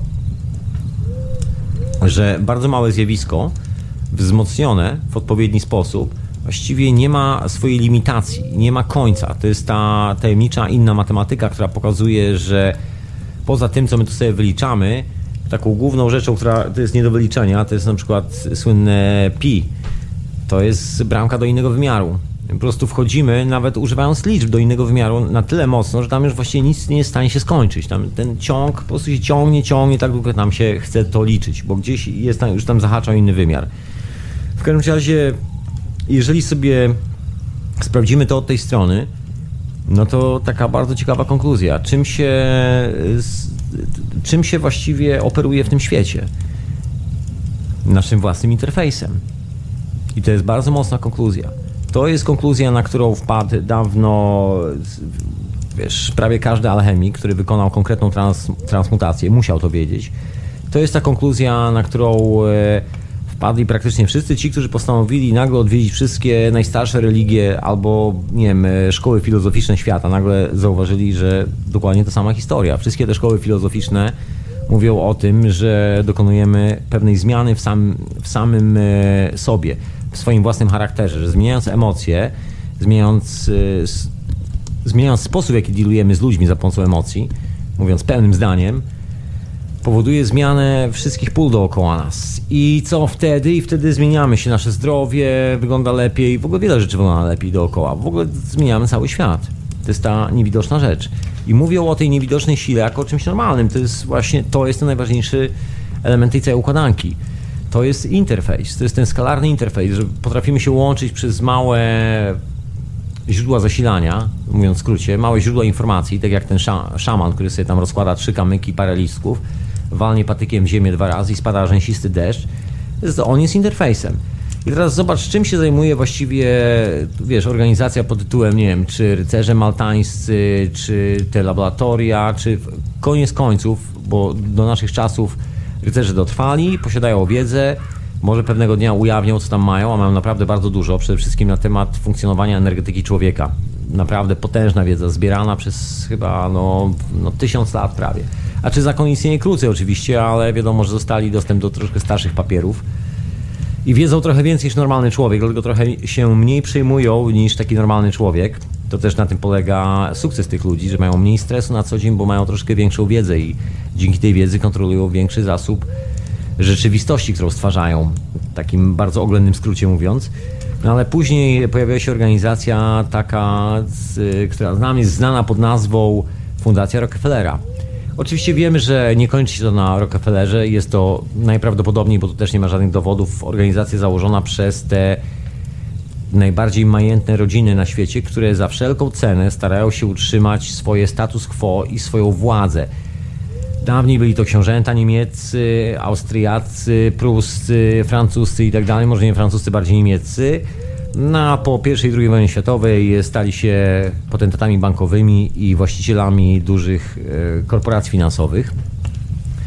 I właściwie z, księ z księciunia na roli stali się księciuniem finansowym. Tak jakoś wyszło i ci ludzie finansują pewne badania, takie bardzo specyficzne i kilku z nich, tych najbogatszych ludzi ma, co dużo mówić, mocną fiksację na tym punkcie. I to jest właśnie Fundacja Rockefellera po co jest Smithsonian Instytut, który zbiera najstarsze zabytki na świecie i nie udostępnia ani jednego? Rozumiesz, wyobraź sobie, że odpalasz instytucję, której zadaniem jest zebranie historii świata.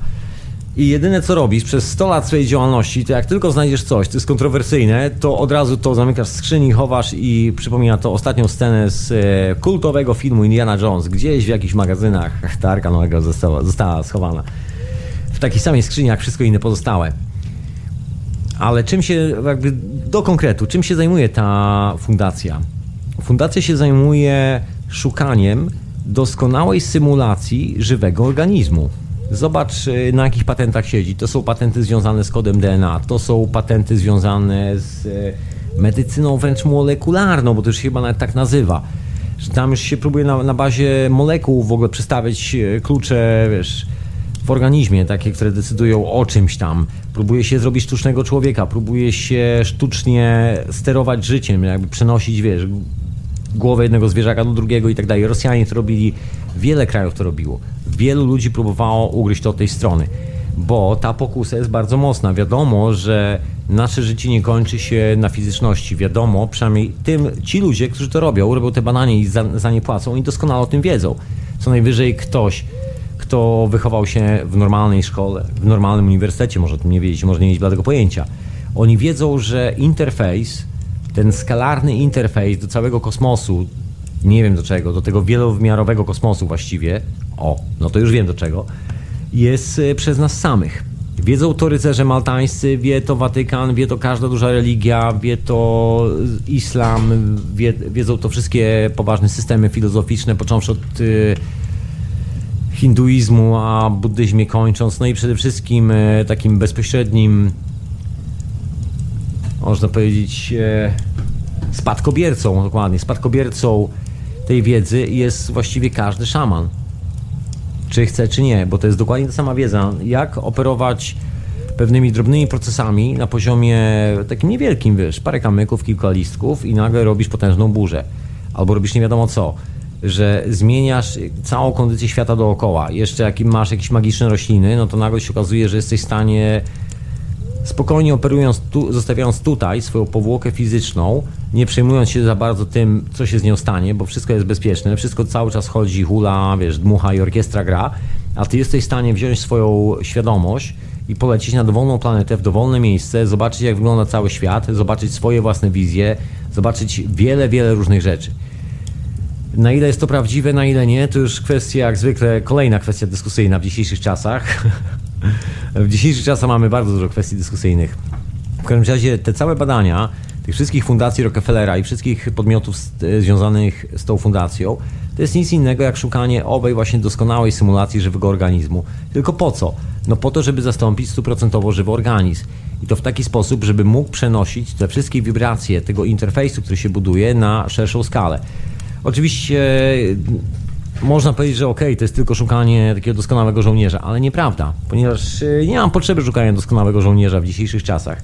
Jakby było mało chętnych do mordowania, no zobacz e, jak wygląda świat aktualnie. Naprawdę nie ma problemu, żeby zebrać armię, wysłać na drugi koniec, roztrzaskać e, kompletnie biednych, nikomu, niczemu niewinnych ludzi w pył i co? I jest jakiś problem z tym? Nie ma żadnego problemu. Słuchaj, ludzie się garną do armii, nie ma z tym problemu. Dalej Dalej to działa jako instytucja komercyjna, jakoś wcale nie popadło w ruinę.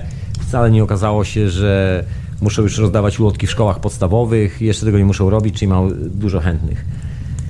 Czyli co? Biologiczny interfejs, jak się okazuje. Czyli wszyscy ci panowie z tych wszystkich tajnych organizacji, tajnych stowarzyszeń, mówię o takich prawdziwych, niekoniecznie o masonach, bo taka, co dużo mówić, podpierdolka mocna, cała masoneria, to bardziej banda pijaków niż y, ludzi światłych z jakąkolwiek wiedzą. No, taka jest prawda, no co dużo mówić. Polityka i otwieranie kolejnej flaszki, dzwonienie do agencji po jakąś dziewczynę albo chłopca, I don't know, bo to właściwie chyba do tego się sprowadza. Zamieniło się w politykę, tego typu rzeczy. Także to są masoni w dzisiejszych czasach. Natomiast yy, część tej wiedzy tam zostało, tylko że już nie u masonów, ale bardziej u różokrzyżowców, jeżeli już to tam trzeba posługiwać się nawet łaciną i kilkoma, zdaje się, innymi językami. Dobrze przynajmniej jest. Y, no tak się wracając do tych osadów z wody morskiej badań Fundacji Rockefellera, wygląda na to, że, że wiadomo, że świat składa się tylko w części z tego, czym, y, o, o czym y, nas się uczy. Chodzi o te stałe substancje. Gigantyczna część rzeczy dookoła nas opiera się na nieustannym procesie transmutacji, o czym się nie chce mówić. To jest pożywką dla istnienia każdej religii na świecie, która twierdzi, że właśnie ten moment, kiedy my nie widzimy pomostu pomiędzy reakcją a akcją, to jest działanie ich Boga. Wiesz, oni mają swojego Boga, który istnieje, jest wszechmogący, strzela kogoś palcami i nagle coś się dzieje. I przynajmniej tak jest tam sprzedawane. Przychodzi natomiast ktoś inny, stwarza, wiesz, i stwarza tą sytuację od zera, po czym się śmieje i mówi, wiesz co, nie było tu żadnego Boga, no chyba, że ja jestem tym Bogiem. I, I to jest ta różnica między wiarą a wiedzą. Zawsze. I moim zdaniem te wszystkie organizacje doskonale o tym wiedzą, bo to jest y, spuścizna, jakby cała tradycja jeszcze z Egiptu, która została w Europie przechowana przez alchemików, przez właśnie owe szkoły her hermetyczne, heretyckie, czyli w ogóle nie podlegające żadnej wierze i w ogóle dogmatom takich, wiesz, standardowych y, koncepcji na to, czym są te niewyjaśnione zjawiska. Ci ludzie zachowali tą wiedzę, i wiedzą o tym, że to jest biologiczny interfejs. O tym, że jest to biologiczny interfejs wiedzą też Rothschildowie, wie e, Fundacja Rockefellera, wiedzą ludzie, z, e, z, którzy siedzą gdzieś na szczycie Smithsonian Institute, wiedzą wszyscy ci możni ludzie, ponieważ tak naprawdę za ich powodzenie odpowiada właśnie ta informacja. Gdyby nie to, że zainwestowali gigantyczną kasę, właściwie chyba od lat 20. E, poprzedniego stulecia, to są miliony, miliony na stworzenie czegoś w rodzaju syntetycznego człowieka. Okazało się, że jak na razie nie ma opcji, żeby stworzyć taką wierną kopię człowieka, jakiegokolwiek żywego organizmu. Nikt nie potrafi tego zrobić. To są tylko mrzonki, takie wiesz, opowieści science fiction. Natomiast w rzeczywistości jest to naprawdę amba. Nikt nie wie nawet jak to ugryźć. Nikt nie wie czym jest kod DNA. Poza tym, że jest to unikatowy marker naszego organizmu, informacji zawartej w naszym organizmie. I to tylko tyle możesz zlokalizować, że ta informacja u żywego organizmu odpowiada za na przykład albo, a właśnie, nawet nie odpowiada, jest powiązana z y, na przykład produkcją cukru albo jakiegoś hormonu, ale jest powiązana. Nie do końca wiemy, czy za to odpowiada. To jest ciekawe pytanie. Jest takich pytań o wiele więcej. Jest na tyle dużo, że stawiało mocno pod znakiem zapytania jakiekolwiek wiesz, używanie tego jako takiej stałej wiedzy, że ktoś wychodzi i mówi, ja już wiem jak jest i jest właśnie tak. Nieprawda. Nikt nie wie, jak jest. Dalej jest kwestią eksperymentu, dalej jest kwestią badań, dalej jest kwestią poszukiwań. Słynna historia z DNA, która najbardziej mi się podoba, to to, że kiedy już wszyscy naukowcy trąbili wiesz, poznanie tego kodu DNA i tak dalej, i tak dalej, słynna historia z tym, jak wtopili na ilościach sekwencji genotypu i zbankrutowali i tak dalej. Już nie będę opowiadał. Kiedyś opowiadałem. Musisz znaleźć w archiwum hiperprzestrzeni.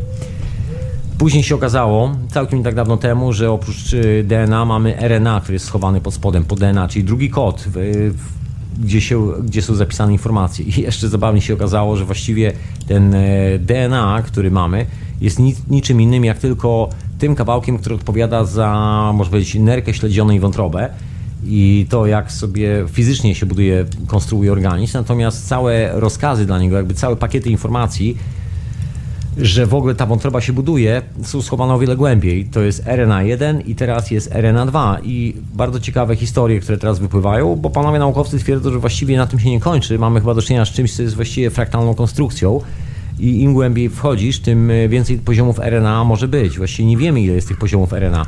To jest słynne równanie Mandelbrota, słynna historia, dzieje się odcinek na, na dwa, później się prasuje, kolejne dwa, kolejne dwa, kolejne... Man, Mandelbrot, y, matematyka fraktalna, to są te fraktalne wzory. Właśnie z tego równania Mandelbrota się wylicza wszystkie te fraktale na ekranie. I jak się okazuje, w ten sam sposób są schowane informacje w nas samych. Czyli właściwie nie wiemy, gdzie ta informacja się kończy, żeby było zabawniej. My mówimy, że to koniec informacji, albo szukamy końca informacji, a może to nie jest koniec informacji może to jest właśnie to coś, co się ślizga już po tej powierzchni zupełnie innego wymiaru. Dlatego nam się wydaje, że to jest, wiesz, gdzieś tam koniec, to jest, to jest ta, ten złoty podział.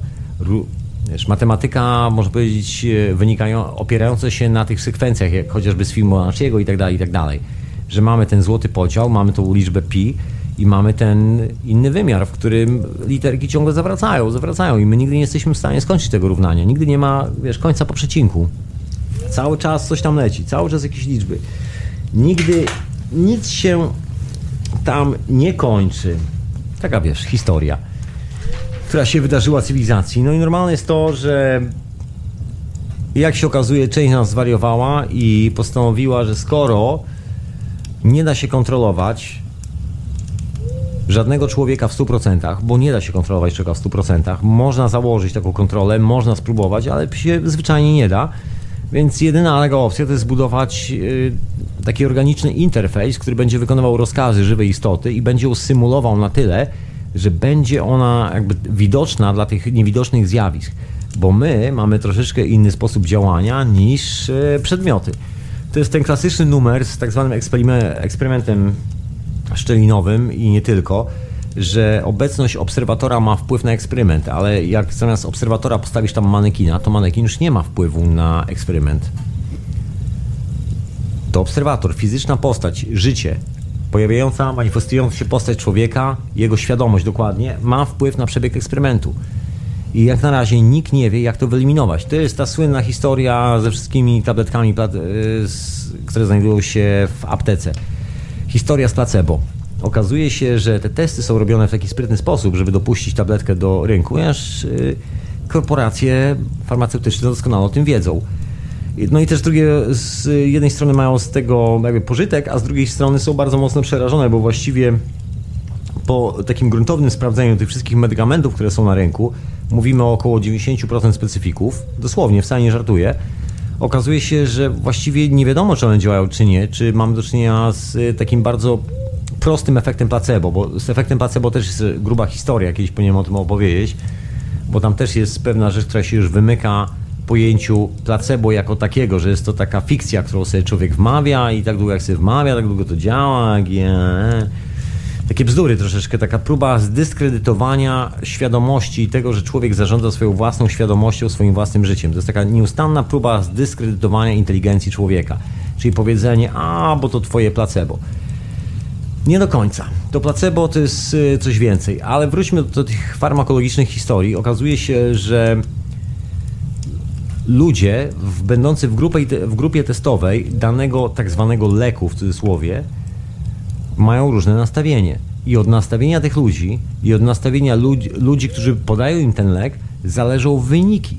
Jak się okazuje, wyniki są tak zaskakujące, w sensie Wyobraź sobie lekarstwo, które teoretycznie ma leczyć marskość wątroby i jak się okazuje, samo nastawienie ludzi, że wydaje mi się, że mają coś, co leczy marskość wątroby, powoduje, że ta marskość może znikać. Przez jakiś czas oczywiście. Kiedy, jest, e, kiedy nasza świadomość jest stymulowana tym impulsem. Korporacje farmakologiczne i znaczy farmaceutyczne doskonale o tym wiedzą, dlatego jak masz paczkę tabletek, to nie jest to jedna tabletka, która ci wyleczy, tylko jest to garść 30 tabletek z napisem na opakowaniu, wróć za 3 tygodnie i kup kolejną. Y, a w przypadku, kiedy już będziesz dorosły, to musisz żreć nie jedną, ale trzy tabletki i nie raz dziennie, ale trzy razy dziennie. Czyli jakby musisz cały czas y, pobudzać ten swój biologiczny interfejs, który aktywuje wszystkie te procesy. To nie tabletka, tylko nasz biologiczny interfejs, który robi ten cały efekt, jak się okazuje. Ciekawa historia. To jest właśnie ten eksperyment, y, kiedy obserwator wpływa na obserwowany obiekt. I teraz wyobraź sobie, że próbujesz odpalić maszynę do innego wymiaru, w ogóle masz dostęp z tą tajemniczą technologią, informacyjną technologią, i teraz nie jesteś, e, nie jesteś przygotowany na to. Z wielu różnych powodów. A powodów może być wiele. Ja tu je omijam. Generalnie efekt jest taki, że no nie, nie włączysz tej maszyny. Nie da się. Tu nie ma czegoś, co działa na przycisk. Tu jest twoja kondycja, wiesz, umysłu. Musisz być odpowiednio skoncentrowany, żeby wykonać taki lot. No i teraz co zrobić, kiedy nie masz tej koncentracji, bo spędziłeś całe życie zbierając Ferrari i kolekcjonując nieszczęście innych ludzi za pieniądze? Co zrobić dalej? No to jedna opcja jest postawić całą kasę i całe zasoby na to, żeby pewnego dnia wybudować organiczny interfejs, który będzie na tyle głupi, ale jednocześnie będzie na tyle doskonały, że będzie mógł zastąpić na przykład e, takiego zepsutego człowieka i będzie mógł otworzyć jako przed nim bramy tego innego wymiaru albo wielu wymiarów, dzięki czemu on będzie mógł pozyskać tę informację nie musząc dokonywać wewnętrznej e, transmutacji, czyli nie musząc zmieniać się. Czyli nagle ktoś, kto w bardzo wielkim skrócie jest na przykład handlarzem bronią, będzie chciał wejść w to pole informacji, ale pole informacji jest dosyć okrutne i trafia tam e, cała suma wszystkich rzeczy, które robimy. Czyli jeżeli jest handlarz bronią, no to dostanie informacje o wszystkich ludziach, którzy zostali zabici z broni, którą nie tylko on wyprodukował, ale w ogóle została wyprodukowana na świecie, ponieważ on, produkując broń, dołącza do tego w cudzysłowie zacnego grona, także to nie jest tylko krew ofiar z jego pistoletów, ale to jest krew wszystkich ofiar ze wszystkich pistoletów w tym momencie, która się klei do niego. To jest ten tajemniczy magnetyzm w naszym życiu. I teraz, jeżeli coś takiego do niego wróci, chłopak może nie przeżyć e, takich wizji brutalnych, może zobaczyć takie sceny, które spowodują, że zwariuje, i już nigdy nie uśnie i dostanie zawał serca od razu. Ale jest jedna rzecz, która teoretycznie jest bardzo pożądana przez takiego dżentelmena. Wszystkie rozwiązania technologiczne pod tytułem jak jeszcze skuteczniej, jeszcze szybciej zabijać i unicestwiać życie na Ziemi. Wiadomo, że technologia doszła do takiej granicy, że już więcej nic nowego nie wymyśli, że każda bomba, która jest eksplozją, po prostu najwyżej zwieje całą planetę Ziemia, ale taki koleś też chce przeżyć na tej planecie, bo właśnie po to zabija innych ludzi, żeby mieć więcej dla siebie. Więc jedna opcja, jaka istnieje dla tego dżentelmena, to jest próba wbudowania organicznego, biologicznego interfejsu, który przejmie na siebie rolę komunikacji pomiędzy wymiarami w taki sposób, żeby ludzie, którzy nie są do tego przygotowani, nie są do tego gotowi, mogli skorzystać z tej informacji i nie dostali, że tak powiem, side effectu, czyli z powrotem tego, z czym przychodzą. Czyli budują próba wymyślenia sobie takiego bufora, na którego, że tak powiem, zwali się wszystkie te rzeczy, które ewentualnie mogłyby przyjść z tamtej strony, a wcale byśmy nie chcieli ich wrzucać sobie na głowę, bo na przykład chcemy mieć jako producent broni informację o tym, jak wyprodukować maszynę, która zabije wszystkich, ale nie chcemy poczuć tej sytuacji, kiedy to jest, kiedy zabijamy wszystkich. A jest to kompleksowa sytuacja, bo w tym momencie wiedza jest zawsze sprasowana właśnie z tym stanem emocjonalnym. To jest to pole morfogenetyczne. Zwierzęta to czują, wszyscy to czujemy. To jest ten telefon, y, który zanim zadzwoni, to wiemy właśnie, że mama dzwoni, albo tato dzwoni, albo ktoś tam i dzwoni z, z drugiego końca świata. To jest to zjawisko, że masz informację, masz emocję, która daje ci możliwość skorzystania z informacji. Także jeżeli emocja skrzywa na wejściu, informacja może cię zmiażdżyć. I ci ludzie doskonale sobie z tego zdają sprawę.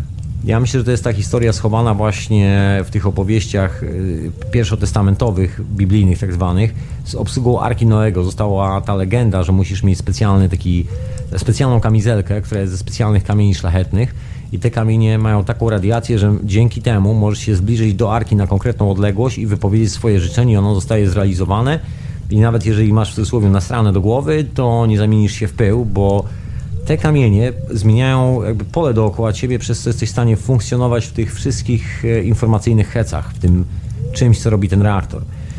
Właśnie, bo ten reaktor troszkę chyba inaczej działa, ale to jest kwestia tego, że to my jesteśmy na bakier w ogóle z e, informacją w kosmosie i w ogóle wszędzie na, na świecie, można powiedzieć, w kosmosie, no. Bo dla nas bardzo często jest to tylko prąd elektryczny.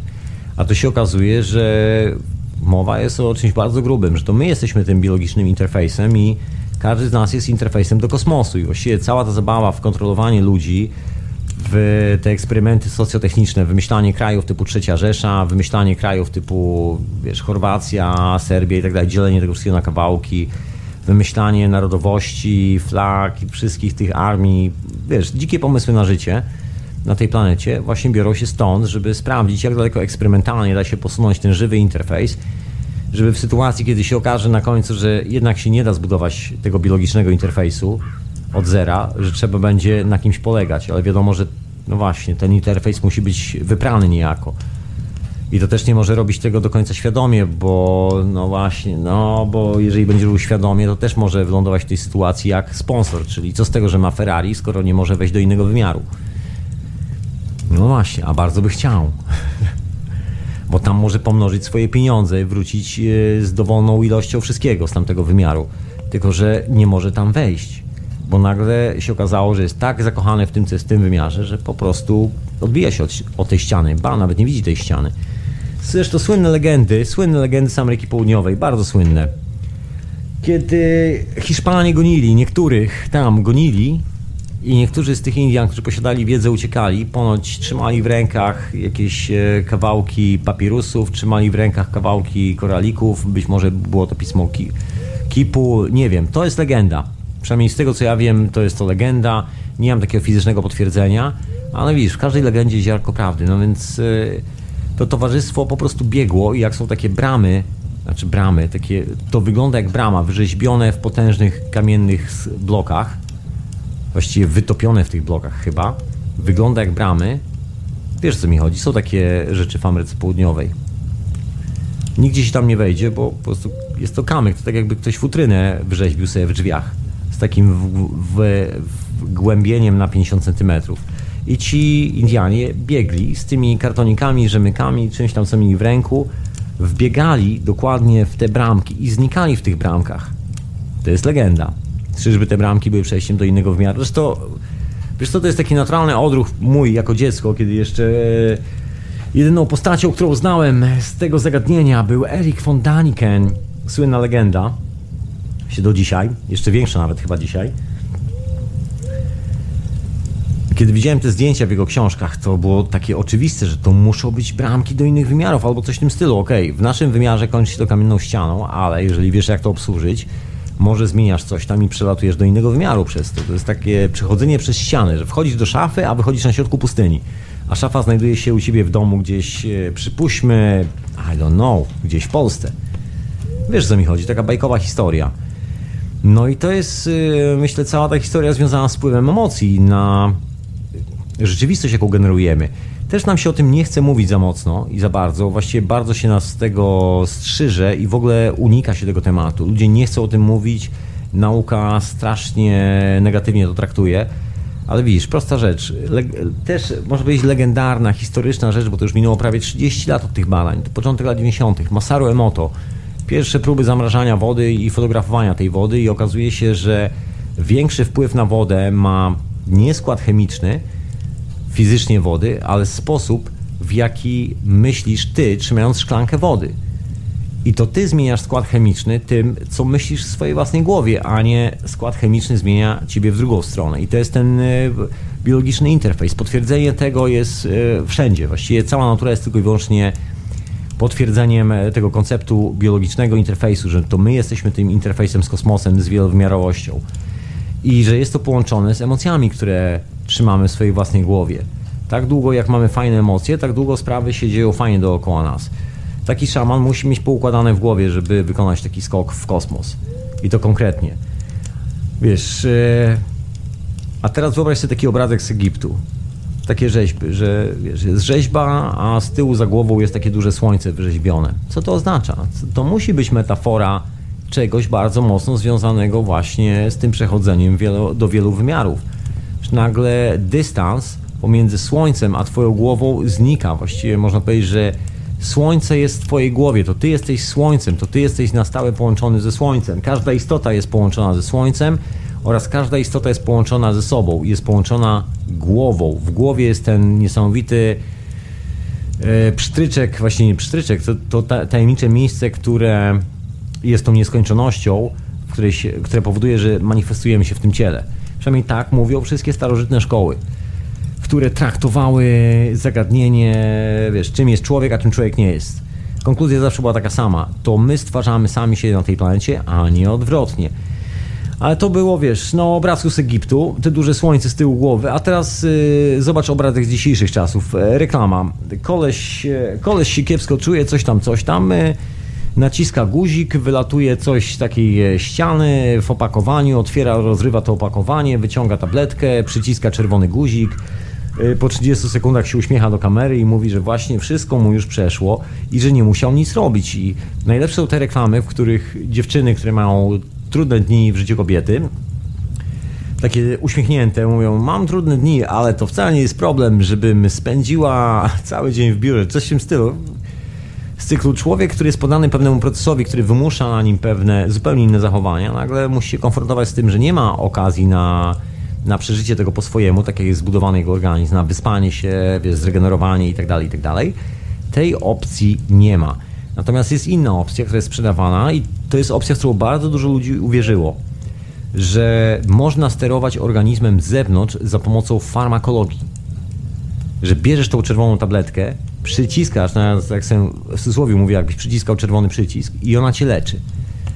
I to jest zaprzeczenie tego wszystkiego, o czym mówi Masaru Emoto. To jest zaprzeczenie wszystkiego, co my wiemy z dziedziny fizyki. To nie takiej, wiesz, fizyki dla idiotów z uniwersytetów, żeby zrobić dyplom i no, mieć, wiesz, pieczątkę z buraka, tylko mówimy o tej laboratoryjnej fizyce, gdzie panowie siedzą przy reaktorach jądrowych i widać, jak materiały transmutują.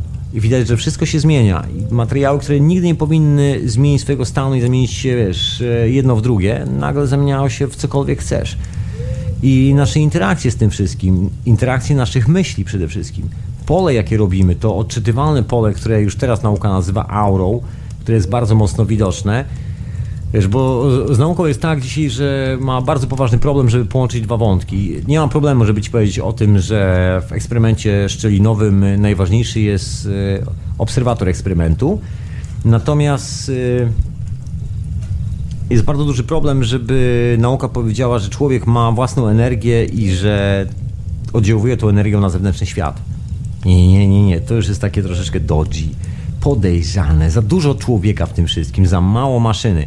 Ale z drugiej strony, czy co oni robią? Dokładnie mają to samo, tylko że boją się powiedzieć otwarcie, ponieważ byłaby to konkluzja z drugiej strony. Trzeba było robić, jak to się po angielsku nazywa, reverse technology, czyli odwróconą technologię, czyli zastanowić się, ok, czyli wszystko, co do tej pory robiliśmy, jest absolutnie bzdurą, jest permanentną bzdurą. My właściwie ciągle próbujemy zbudować kółka zębate, które zastąpią miliardy, gazyliardy nanowłókien w naszych mięśniach. To się nigdy nie uda. Nigdy tego nie zrobimy. Nie mamy takiej technologii.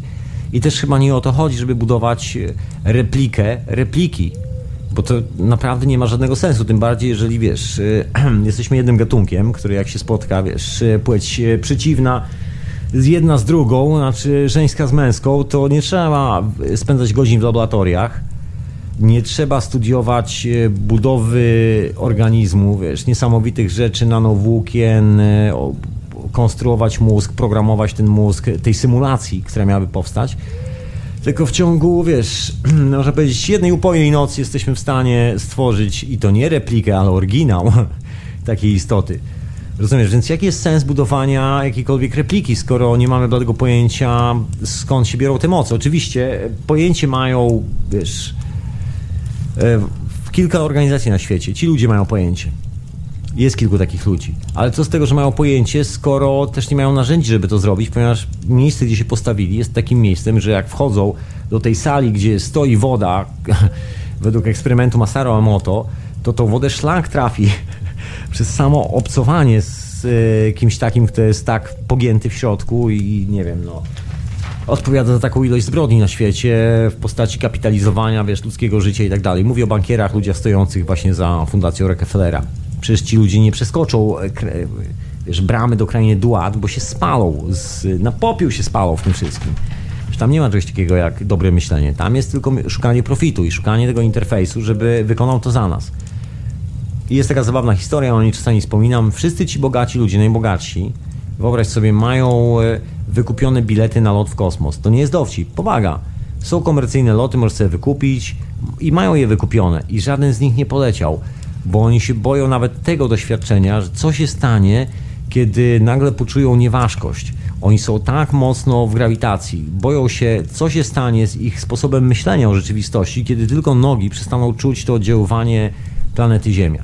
Mogą się przejść prywatnym odrzutowcem, mogą przepłynąć pry prywatnym jachtem, ale nigdy nie polecą poza, ponieważ się boją. Natomiast mają swoich ludzi i najchętniej, gdyby mogli, to wysłaliby właśnie kogoś, kto poleciałby za nich, a oni mogliby to poczuć, ale tak bezstratnie, czyli w każdej sytuacji, kiedy mogło być podejrzenie braku komfortu, że nagle zaczyna docierać do niego świadomość e, do takiego dżentelmena kompleksowości naszych czynów na tej planecie, czyli tego, że nie robimy źle, że pieniądze, nawet jeżeli już tu są, to powinny służyć do zupełnie czegoś innego, że wiesz, rozwój jest czymkolwiek innym, że dbamy o siebie nawzajem, a nie tylko o własną rodzinkę psychopatów, że budujemy całe środowisko.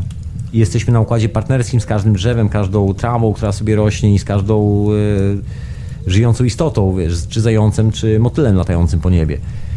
Zając akurat nie lata, zając skacze. Ale wiem o co chodzi. Albo zanegujesz ten fakt i w tym momencie emocjonalnie nie, nie będziesz miał tego kluczyka do tworzenia tego zamka, do bycia tym interfejsem biologicznym, tym organicznym interfejsem do tych mocy, że przez to skalarne zjawisko otworzyć tą bramkę do wielu wymiarów, no albo masz. I to jest y, dokładnie tylko i wyłącznie historia oparta na naszym stanie emocjonalnym. Jak się okazuje. Zresztą mowa była o tym y, czasami przy niektórych eksperymentach Nikoli Tesli. To było bardzo tak mocno pomijane i Tesla za każdym razem, kiedy próbował coś o tym powiedzieć, był traktowany troszkę jak taki przygłup, taki o, Tesli odjechało na starość, o, o, za dużo prądu się nawdychał, o, takie gadki klasyczne. A się okazuje, że pan e, troszkę kumał na starość coraz lepiej i zdawał sobie sprawę, że jest e, coś więcej niż to, nad czym pracował. Zresztą miał koncept, żeby opracować to właśnie coś więcej, odkryć to coś więcej. Nigdy mu się, zdaje się, nie udało. No nie zdaje się go na 100%, mu się to nigdy nie udało. W żadnej z maszyn, które zaprojektował, nie ma ani śladu tego zjawiska. Jest, y, jest bycie na tropie, ale nigdy nie doszedł aż tak daleko. Potrzeba było prawdopodobnie tych wiesz, reaktorów jądrowych, potrzeba było prób atomowych, potrzeba było masę rzeczy na świecie, które się wydarzyły przez kolejne 100 lat po Nikoli Tesli, żebyśmy powoli zaczęli łapać, że ta konstrukcja tego świata, tego całego kosmosu jest naprawdę bardzo prosta i żeby było zabawniej, my jesteśmy częścią tej konstrukcji. I to taką częścią, której się nie da zastąpić symulacją organiczną i że właściwie to oprogramowanie w nas to jest nic innego jak emocje. I to my sterujemy tym oprogramowaniem. I to jest ta tajemnica związana właśnie z tymi naukami, które serwują rycerze maltańscy. Jeżeli kiedykolwiek trafiłeś, bo ci panowie i panie robią e, takie wykłady, prelekcje na temat, na temat pewnych rzeczy, które wiedzą, bardzo, no może nie bardzo dużo, ale dosyć sporo na ten temat mówią, szczególnie ludzkiego organizmu i zobaczę ślad tych wszystkich rzeczy dokładnie w tej informacji, którą oni przekazują. A wiem skąd mają informacje, wiem, że to nie są głupki, nie urodzili się wczoraj, mają dostęp do lepszych bibliotek niż cokolwiek z nas jest w stanie sobie wyobrazić i mogli pozbierać trochę więcej informacji i nawet czy chcą, czy nie, zawsze im się te trochę więcej wymsknie, bo po prostu tyle wiedzą. Także też te wykłady są z troszkę innego punktu widzenia prowadzone bardzo często. No właśnie, ale wracając do tych y, historii piramidalnych właśnie i wielkich cywilizacji, Dużo ludzi zadaje sobie pytanie, co to w ogóle oznacza? Może to ten kształt, wiesz, jest próba, wiesz, odtworzenia tak zwanej złotej geometrii, złotych podziałów i tego typu historii. Ale też myślę, że jest to taki troszkę strzał w bok i to też wynika trochę z przesunięcia rozumienia tej całej koncepcji, bo to jest taki pomysł, że jeżeli ja poskładam konkretny kształt, to kształt będzie oddziaływał na wszystko, ale i tak, i nie. To właściwie my składamy ten kształt, czyli pierw musimy znaleźć ten kształt sobie, go zamanifestować. No ale to z tą piramidą to w ogóle jest y, ciekawa historia. Bo właściwie co oznacza piramida? Bo to jest ciekawa rzecz, y, taka konkretnie ciekawa. Oznacza, przynajmniej według mnie, kosmiczne wymiary, nie tylko według mnie, Bo te kosmiczne wymiary można sobie sprawdzić e, poprzez wyliczanie wszystkich ustawień piramidy. I wiadomo, że ktoś to, to budował, miał wiedzę, która występuje tylko wtedy, kiedy oderwiesz się od tej planety, polecisz w kosmos, sprawdzisz wszystkie recykle precesyjne, sprawdzisz cały układ galaktyczny, gorzej, polecisz do drogi mlecznej, gdzieś tam w środku drogi mlecznej, wlądujesz, bo to jest ustawiona droga mleczną. Ale od innej strony. Bo kto by z tej planety kiedykolwiek mógł dolecieć na dro... znaczy do centrum drogi mlecznej? No nie ma takiej fizycznej możliwości. Może ta wyprawa była zupełnie inna. Właśnie. Może to chodzi po prostu o metaforę tych kosmicznych wymiarów, o ustawienie Ziemi, o ustawienie nas samych w tym wszystkim. Ja myślę, że to jest większa sprawa, bo ja wiem, że dużo ludzi w dzisiejszych czasach właśnie ciągle targa tą piramidę i chce produkować tam prąd. Nieustannie chcą produkować prąd, bo wydaje mi się, że jakakolwiek energia na świecie to jest produkcja prądu. Przykładem jest tak zwana słynna bateria z Bagdadu, ale widzisz, nie do końca jest to tylko i wyłącznie urządzenie, które jest w stanie produkować prąd. To urządzenie jest w stanie produkować troszkę inny rodzaj energii. Jeżeli znasz się trochę na technologii, ja to nie będę wbijał w temat, to wiesz co chodzi. To jest urządzenie, które możesz postawić e, w bardzo, można powiedzieć, radiacyjnym środowisku, czy to magnetycznym, czy grawitacyjnym. Przy odpowiednim załadowaniu stanowi, zachowuje się jak reaktor, bo to jest właściwie konstrukcja reaktora. I teraz pytanie, czym to było załadowane? Oczywiście współczesny człowiek powie energia, prąd, czyli na pewno jakiś prąd tam był robiony, ale może, może chodziło o coś zupełnie innego. Może to była właśnie ta skalarna siła, gdzie interfejsem, biologicznym interfejsem był koleś, który to obsługiwał. Tak jak dzieje się to w dzisiejszych czasach przy eksperymentach naukowych. Dokładnie sama historia, tak samo przy testach leków i tak dalej, i tak dalej. Swego czasu właśnie zrobiono takie testy na zasadzie wyeliminowano człowieka z testów tabletek.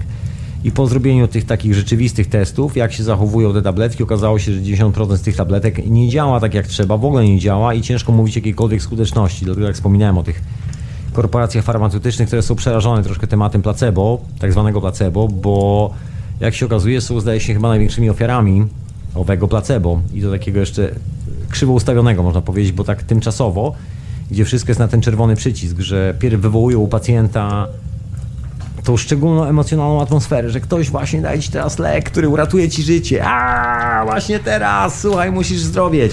I zdrowiejesz. No ale co się dzieje, kiedy nie dostajesz tabletki, kiedy nie możesz przycisnąć przycisku, kiedy się maszyna zablokowało, to co wtedy? Umierasz. A jak się okazuje, nie powinniśmy umierać, bo widzisz, tu kolejne rzeczy w ogóle się, że tak powiem, wysuwają z tej prehistorii. Ale tu mam jedną rzecz, którą koniecznie chcę dzisiaj wrzucić do do tych moich rozważań, sekundę, muszę pozna poznajdować. E, otóż mam. Otóż mam. E, ciekawe rzeczy na temat piramid, bo właściwie z tymi piramidami. Ale jeszcze właśnie, wchodzę na czat, bo ja ciągle jestem na czacie. Czat. E, rn, chat rnf.hatango.com Pozdrawiam w ogóle wszystkich na czacie. Tam, tam jednym okiem, wiesz, e, sobie śledzę tą historię. Anyway, co wiadomo w ogóle na temat piramid? Bo oczywiście moje spekulacje są moimi radosnymi spekulacjami i wcale nie muszę mieć tu racji, ale w Rosji był taki program naukowy, że budowano piramidy. Było kilku ludzi, łącznie z doktorem Aleksandrem e, Golodem, który zbudował piramidę. Ta jest akurat na, na Ukrainie, jest kolejna zbudowana teraz w Tomsku. Bardzo ciekawe eksperymenty są tam robione. Tam duży kryształ wstawiony, taki potężny kryształ. Zresztą jest e, doskonały gentleman, który doskonale operuje w języku polskim i opowiada bardzo ciekawe rzeczy. Opowiada o czym wie rosyjska nauka, o czym nam się oficjalnie w ogóle w szkołach nie mówi. Natomiast to wiedzą panowie z, e, no, z uniwersytetów, które szkolą ludzi pracujących później przy reaktorach na przykład jądrowych, e, przy broni nuklearnej i tak. To są ludzie, którzy widują transmutację na własne oczy. Zapomniałem, jak się, jak się pan nazywał. Jest aktualnie seria, seria rozmów z tym gentlemanem. Jak sobie przypomnę, to z, puszczę linka na czacie na 100%. Ale wracając do piramidy. Co w ogóle, co możemy potwierdzić na temat działania piramidy? Bo jest kilka faktów. Faktów. Więc pierwszy z nich to jest e, wzmacnia system immunologiczny żywych organizmów. E, leukocyty w krwi, znaczy kompozycja tych leukocytów wzrasta. w naszej krwi. To jest rzeczywista sytuacja, która się dzieje, kiedy stoisz w piramidzie. I jest to normalnie badane naukowo. Tu nie opowiadamy sobie bajek, w tym momencie czytamy sobie specyfikację naukową prosto z Rosji po iluś tam latach robienia badań, eksperymentów z piramidą. Kolejna rzecz. Yy, podnosi współczynnik regeneracji komórek, czyli wzmacnia ten współczynnik. Komórki się zaczynają regenerować w naszym organizmie. Normalnie nauka mówi, że nie ma takiej opcji. Jesteśmy mechanizmem, który idzie tylko w jedną stronę. Umiera. Rekonstrukcja w drugą stronę nie istnieje. To jest oficjalne stanowisko, stanowiska nauki. Ale jak się okazuje, nauka, wiesz, a rzeczywistość to są zupełnie inne bajki. To troszeczkę tak jak Harry Potter, a ty idący do pracy. Podobne, ale no nie jesteś Harry Potterem chyba. Albo ja, też nie jestem. Anyway, wiesz co chodzi, różnica między bajką a rzeczywistością. Y, kolejna, kolejna rzecz, która się dzieje w piramidach. Przechowywane nasiona od y, jednego do pięciu dni więc rośliny, rośliny, które są później sadzone z tych nasion, które tam parkują od, od jednego do pięciu dni, w tej piramidzie są naświetlane, y, mają o wiele wyższe plony. Czyli jeżeli tam sobie wsypiesz nasionka do piramidy, potrzymasz przez te 5 dni, później posadzisz to zboże, to masz więcej plonów niż normalnie. Wow. Znik i las. I mamy las z powrotem. Kolejna rzecz.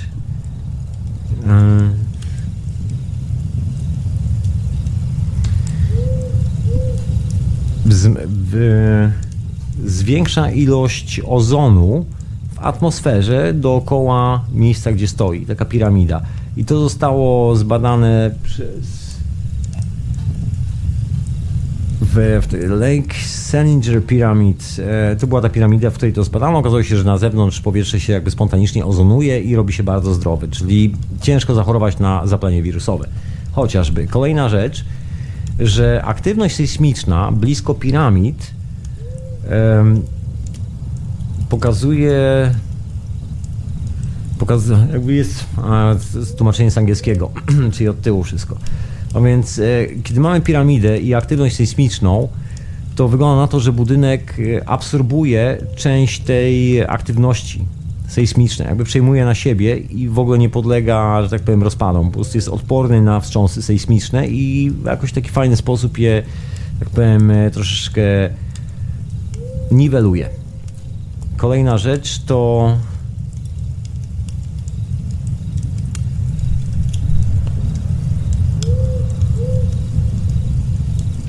że z... wow. że dookoła piramidy jest e, inny ja to tłumaczę tak w locie teraz z angielskiego powinienem z rosyjskiego, ale to jest oryginalne po angielsku e, zmienia się pogoda dookoła piramidy że na przykład skoki temperatury, znaczy skoki temperatury, skoki powody powo potrafią być takie no dosyć e, konkretne.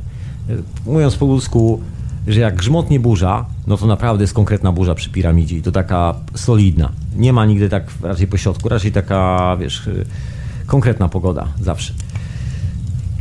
I piramidy wybudowane na południu Rosji, właśnie, ciekawa rzecz, y, mają pozytywny efekt, wywierają pozytywny efekt na produkcję ropy. Jak się okazuje, że po prostu zbierają więcej z tych pól. Po prostu po prostu więcej ropy wyciągają z pola, kiedy stoją tam piramidy. Jest to naukowo zbadane przez Moskiewską Akademię e, Naukową i tam jest dział olejów i gazów, e, czyli ropy i gazu. I dokładnie ta akademia to zbadała i takie są, takie są zachowania które występują w naturze. Stawiasz piramidę i nagle możesz e, tego oleju i gazu siorbać o wiele więcej i efektywność pola jest po prostu większa, z którego to ciągniesz. Kolejne, kolejne takie ciekawostki na temat piramid to to, że około 5 tysięcy więźniów było, jak powiem, przytrzymywanych w tej piramidzie. E, dostało, dostało specjalną sól i pieprz, który był naświetlany w tej piramidzie przez jakiś tam konkretny okres czasu, żeby to pole, które jest w piramidzie, przeszło na ten sól i pieprz. No i się okazało, że później więźniowie te 5 tysięcy więźniów używających właśnie owej soli i owego pieprzu naświetlonego w piramidzie zmniejszyło swoją agresję. Wyobraź to sobie, Ciekawa historia. Naświetlasz coś w piramidzie i nagle się okazuje, że dajesz to komuś i był to agresywny człowiek i po chwili, no może nie po chwili, no, że po paru chwilach przestaje być agresywnym człowiekiem tylko dlatego, że właśnie to coś się naświetliło w piramidzie, on to nosi w kieszeni. I oczywiście test y, tak zwanych żywych kultur pokazał wzrost y, właściwości jakby takich przetrwania tej kultury, wzrost jakby komórki są mocniejsze, lepiej się reprodukują i tak dalej, i tak dalej, i tak dalej. Po wszystkich infekcjach i wirusach. Po prostu szybciej wracają do zdrowia. Y, radioaktywne substancje pokazują spadek swojego promieniowania radioaktywnego wewnątrz piramid. To troszkę tak jakby piramida ściągała właśnie w opromieniowanie. Co tam jeszcze z takich ciekawych rzeczy? Y, że w bardzo ciekawy sposób potrafią naładować y, baterie. Były takie eksperymenty prowadzone przez Rosjan. Wkładano akumulatory i baterie do piramidy, no i się ładowały. Zresztą ten numer się wydarzył kilka razy w piramidzie w Gizie, tej największej w Egipcie. I to jest historia opowiadana przez kilku ludzi, e, operatorów filmowych, którzy kręcili tam dokumenty, bo zdarzyło się tak, że po prostu bateria była nie, nie naładowana do końca gdzieś e, w jakimś, e, w jakimś sprzęcie do nagrywania, czy to były mikrofony, czy to była kamera.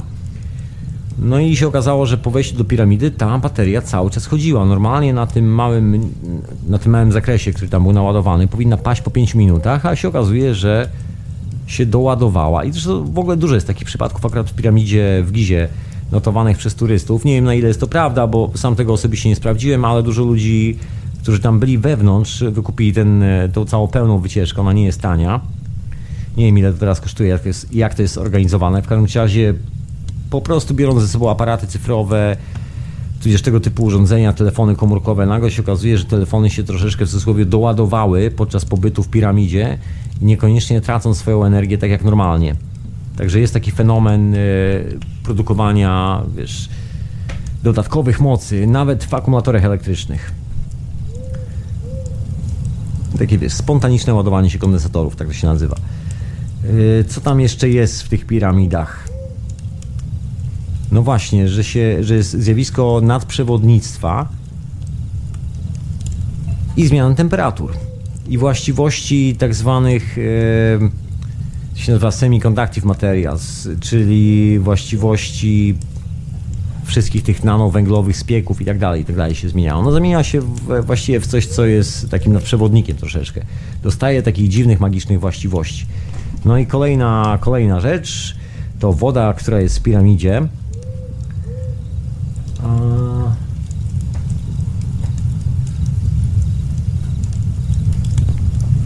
nie chce zamarznąć. Trzeba, ją ob trzeba obniżyć temperaturę do minus 40 stopni Celsjusza, żeby woda w piramidzie zamarzła. Natomiast kiedy wyniesiesz tą wodę z piramidy, to tak jak normalna woda 0 stopni minus 1 od razu zamarza.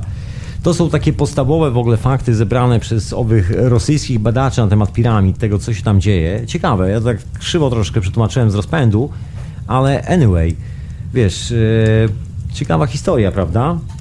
Zobacz, taki prosty budynek, piramida, bo wiesz, ktoś tam mówi, że to grobowce i tak dalej, i tak dalej. To w ogóle też taka mocna ściema. Jeszcze jest jedna istotna sprawa przy tym wszystkim, o której ja tu lubię sobie mówić, to są te historie związane jak e, z wiekiem tych budynków, jak stare są. Ostatnio coraz częściej pojawia się konkretna konkluzja wynikająca właśnie z badania warstw geologicznych, chociażby w Egipcie, i z tego, że cały Sfinks jest po prostu zaorany erozją terenu, ale ta erozja wynika nie z piasku pustyni, jak chcieliby to widzieć ci, którzy wierzą w 6000 lat historii cywilizacji, a wcześniej było, nie wiem, było nic, skóry i łupane krzemienie, się okazuje, że jakby licząc tą erozję, ciekawa rzecz, zaczynamy mówić nie już o 12 tysiącach lat, nie o 36 tysiącach lat, tylko bardzo konkretnie zaczynamy mówić o przestrzeni czasu człowieku trzyma się krzesła około 240 tysięcy lat, czyli troszeczkę inny cykl, a sprawa dotyczy Sfinksa. Tadam! Po prostu nie da się inaczej zrobić takiej erozji.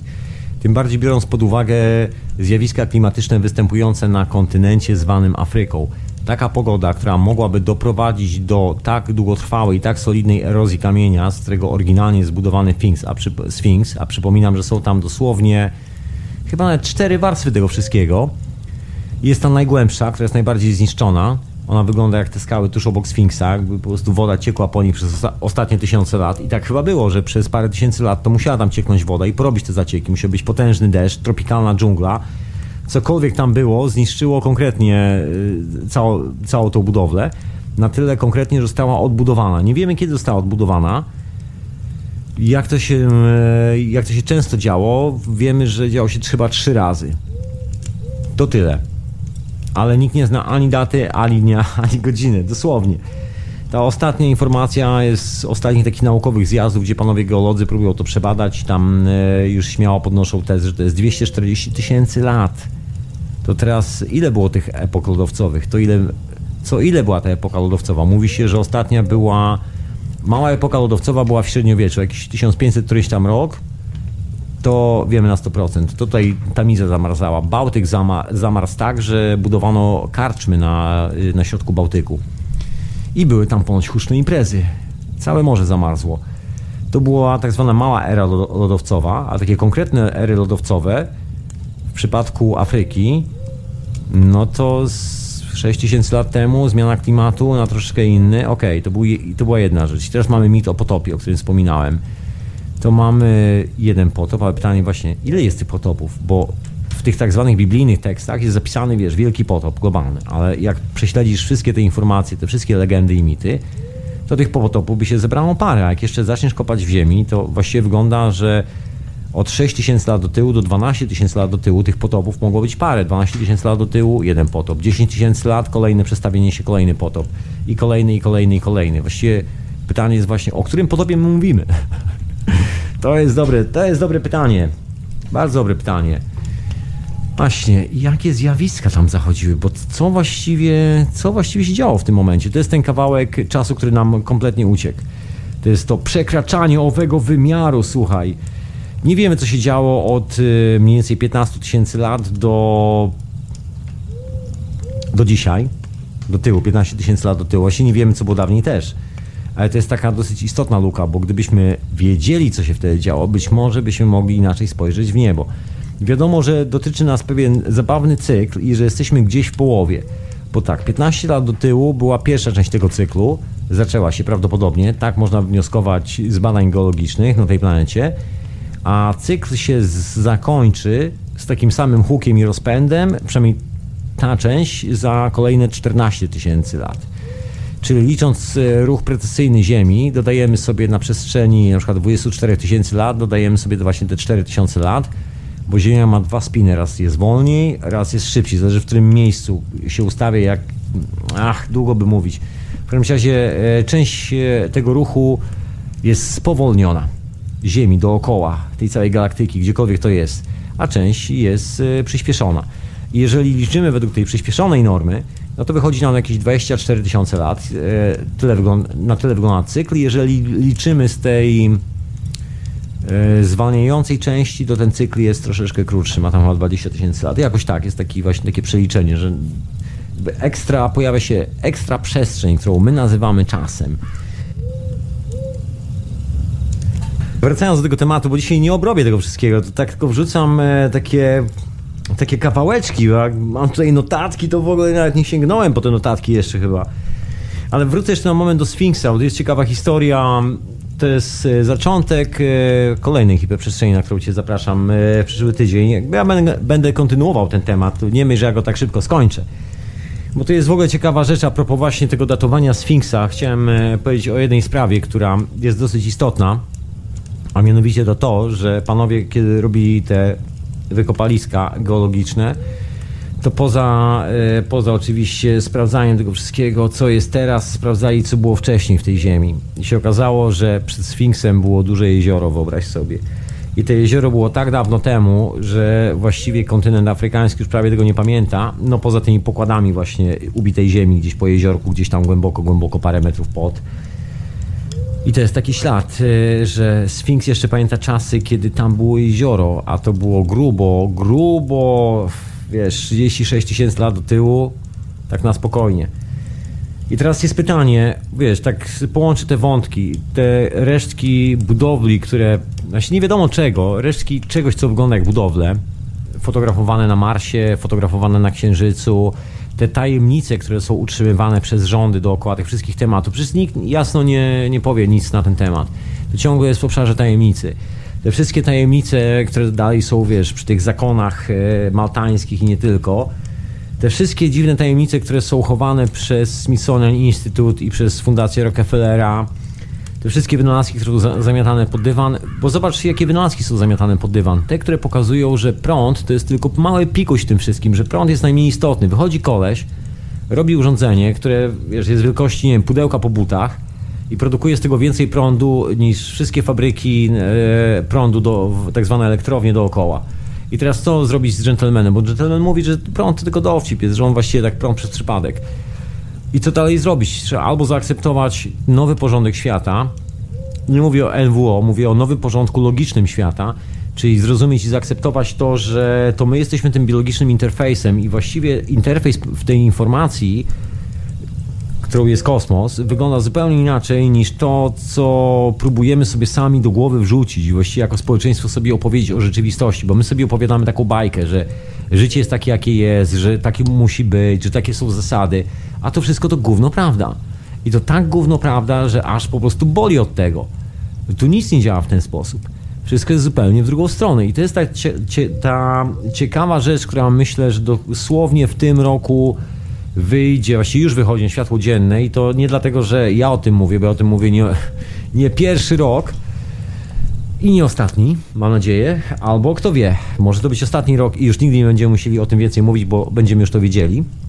Niemniej nauka zaczęła dosyć konkretnie na ten temat się wypowiadać, bo wiesz, też już się odbili od betonowej ściany, doszli do końca i się okazuje, że no gdzieś trzeba się ruszyć dalej, bo jeżeli się nie ruszą dalej, to będzie z nimi tak jak z Watykanem, zostaną w erze płaskiej ziemi. Będą tak jak Watykan. Przez 300 lat twierdzili, że Ziemia jest płaska. Tam już się pierwsze samoloty odpalają, już loty balonami, sterowcami, wiesz, takie rzeczy się dzieją, a oni dalej, że Ziemia jest płaska. Dalej, że ten telegraf chodzi, oni dalej, że Ziemia jest płaska. Ale ja pamiętam oficjalne wystąpienie jeszcze, jeszcze z Karola słynnego, Karola W., tak się nazywa przestępców w Polsce. Tak się chyba powinno mówić na tego dżentelmena, bo to niezły przestępca był, bardzo poważne przestępstwa. Dobrze, że go tu nie ma z nami. Niech mu lekko będzie. Anyway, e, jeszcze Karol W., słynny przestępca Karol W., e, głowa e, przestępczej organizacji o nazwie Watykan,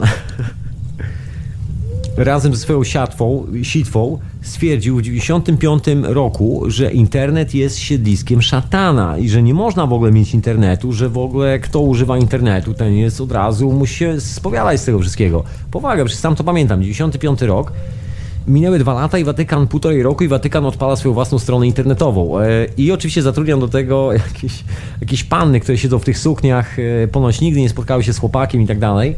Może wolą dziewczyny, I don't know, ja, się, ja to się nie znam na tych zakonnych historiach. Daleko mi do tego. Anyway, e, i on obsługują tą stronę. Specjalny zakon, słuchaj, sióstr do obsługujących stron komunikację internetową Watykanu. I to zobacz, potrzeba było w takim cywilizowanym świecie potrzeba było dwóch lat, czy prawie trzech lat, żeby taka organizacja zaakceptowała istnienie czegoś takiego. Brytyjska korona miała problem przez około 15 lat, żeby zaakceptować, że na świecie latają samoloty. Tu oficjalnie w Anglii uczono, że nie ma czegoś jak, jak samoloty, a gazety w Stanach drukowały zdjęcia braci Wright latających swoim samolotem. I te gazety były transportowane do Londynu statkami, tu ludzie oglądali, ale na uniwersytecie była zasada prosta cokolwiek jest e, cięższe od e, powietrza, nie może latać. No to może dlatego, że brytyjscy naukowcy pili na tyle dużo szery, że nie mogli zauważyć, że ptak też coś waży. Może myśleli, że jak ptak się odrywa od ziemi, to przestaje ważyć? No, kto wie, kto wie. Tak czy siak, to zjawisko innego wymiaru tutaj mocno funkcjonuje, bo to jest, to jest ten chyba skok w czasie i przestrzeni, można powiedzieć. To jest ten skok związany z tymi legendami o tym, że pewnego dnia Werakocze powróci, ludzie z gwiazd powrócą. Jest taki moment, że dzieje się jakaś katastrofa, w cudzysłowie my to nazywamy katastrofą, Ziemia się przestawia, ma swoje naturalne cykle. To jest to, co właśnie wykopują w Ziemi panowie archeolodzy i geolodzy i sprawdzają i nagle się okazuje, że wow, Już tu kiedyś była pustynia, wow, tu, a przed pustynią było jezioro, a przed jeziorem było tropikalny las, a przed tropikalnym lasem było morze, a wcześniej była z powrotem pustynia i że to jest cykl. Tak jak ta historia z Amazonią. Teraz coraz głośniej się już mówi o tym e, Terra Preta. I kiedyś e, jest jeden odcinek, zdaje się, na ten temat, także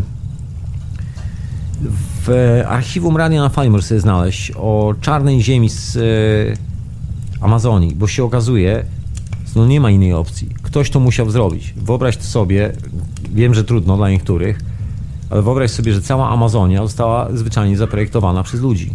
Cały ten czarnoziem został tam przywieziony, usypany w konkretnych miejscach. Zresztą jeżeli przekopujesz przez ten czarnoziem, to wykopujesz tam ceramikę. Nie wiem jak stara jest ta ceramika. Dostałem w prezencie jeden kawałek, który pochodzi no mniej więcej z tamtych obszarów, nie do końca, ale no, bo to duży kontynent i wiesz, nam, nam się wydaje, jak patrzymy na mapę, to tak Brazylię i kraj obok, ale żeby przejechać przez tą Brazylię potrzebujesz chyba tygodnia. To co dopiero mówić o kraju obok. W każdym razie dostałem stamtąd kawałek łupki, znaczy łupki, jak się śmieje. Kawałek skrupki z ceramiki, oczywiście piractwo, to w ogóle nie powinno trafić do Europy, bo to jest nielegalne, nie można przewozić takich rzeczy. Jest to kawałek starej, oryginalnej ceramiki, robionej w miejscu, w którym oficjalnie nauka twierdzi, że ludzie żyją od może, nie wiem, 2000, 4000 lat maksymalnie, a ceramika z tego co doszły mnie słuchu, nigdy nie dawałem jej do analizy, taka jest prawda, nie mam e, takiej możliwości dostępu do takiego sprzętu. Kiedyś jak się pojawi, to chętnie dodam, e, chętnie wrzucę do analizy. W każdym razie, ok, oficjalna nauka jest na stanowisku takim, że życie tam zaczęło się może 3000 lat temu maksymalnie. 2000 lat temu, 3000 lat temu, wcześniej nie było tam nic, dopiero wtedy zawędrowali tam ludzie. I dopiero wtedy wyłoniły się te miejsca i tak dalej, i tak dalej. Natomiast y, ceramika, bo ktoś, kto wykopał tą ceramikę, nie był pierwszym człowiekiem, który ją znalazł, został tam zaprowadzony przez człowieka, który o tej ceramice wiedział i było tam kilku ludzi tak zwanej nauki, którzy też dostali po kawałku i ktoś tam y, to zdatował, wrzucił na te skanery, na urządzenia datujące różnymi izotopami i okazało się, że ceramika nie ma 2 czy 3 tysięcy lat, tylko prawdopodobnie jest w okolicach 6 tysięcy lat. Czyli w ogóle według definicji w ogóle współczesnej cywilizacji w ogóle nie powinna się tam znaleźć, bo 6 tysięcy lat temu to ludzie dopiero, wiesz, w Afryce wychodzili z Afryki i piramidę zdaje się nawet budowali wtedy za pomocą e, kawałka kija i kawałka glinianego młotka, chyba zdaje się. Przynajmniej taki jest y, koncept oficjalnej nauki. Ciekawa historia, bardzo intrygująca. Pokazuje, że jest naprawdę więcej niż mniej. I to naprawdę mocno więcej niż mniej. Ja mam ten kawałek u siebie w domu. To cały czas mam tutaj ten kawałek ceramiki. I to nie jest taka teoretyczna historia, która się, wiesz, wymyśla komuś w głowie, tylko po prostu tak już jest. I teraz jest pytanie, ile było tych cywilizacji przed nami? Bo jeżeli były takie potężne cywilizacje przed nami i żadna z nich nie korzystała za bardzo z prądu, bo nie znajdujemy instalacji elektrycznej i o żadnej z tych cywilizacji nikt nie chce nam powiedzieć, wiemy tylko z domyślania się, po prostu obserwujemy obszary y, poszukiwań tych dużych korporacji, za którymi są schowane te potężne rodziny, które starają się rządzić tym światem i wiemy, że szukają ludzkiego interfejsu. Szukają ludzkiego interfejsu po to, żeby okiełznać jakąś moc, której normalnie nie są w stanie, chociaż są ludźmi, okiełznać, bo stracili coś, co powoduje, że no nie mogą się już połączyć z innym wymiarem, natomiast doskonale wiedzą o tym wymiarze. Dlatego wszystkie informacje, które są zapisane gdzieś w starożytnych pismach, w starożytnych budowlach, gdzieś w tych podziemiach, jakiekolwiek urządzenia, które mogą nam w jakikolwiek sposób przypomnieć o istnieniu tego innego wymiaru, przywrócić tą koncepcję do życia, są automatycznie natychmiast usuwane sprzed naszych oczu. My nie mamy o tym wiedzieć, my nie mamy się na tym zastanawiać. Naszym pomysłem na życie ma być to, że naciśniemy czerwony przycisk, wyleci tabletka, naciśniemy drugi czerwony przycisk, podjedzie czerwony samochód, ktoś nam otworzy drzwi, my wsiądziemy i najbardziej ekscytującym zajęciem w naszym życiu jest poprowadzenie tego czerwonego głośnego, niewygodnego, gównianego czerwonego samochodu, który kosztuje po prostu życie masy ludzi, masę pieniędzy, nie wiadomo co.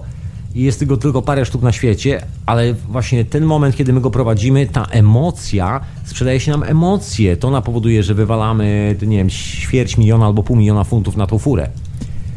Rozumiesz pan, po to, żeby poczuć jak się jeść, poczuć ten ryk silnika i tak dalej. Czyli dalej są emocje. Wszyscy wiemy, że emocje, ale Wiesz, nasza cywilizacja po, podchodzi do tego, że naciskasz przycisk, wylatuje czerwony samochodzik i dopiero wtedy masz swoje emocje.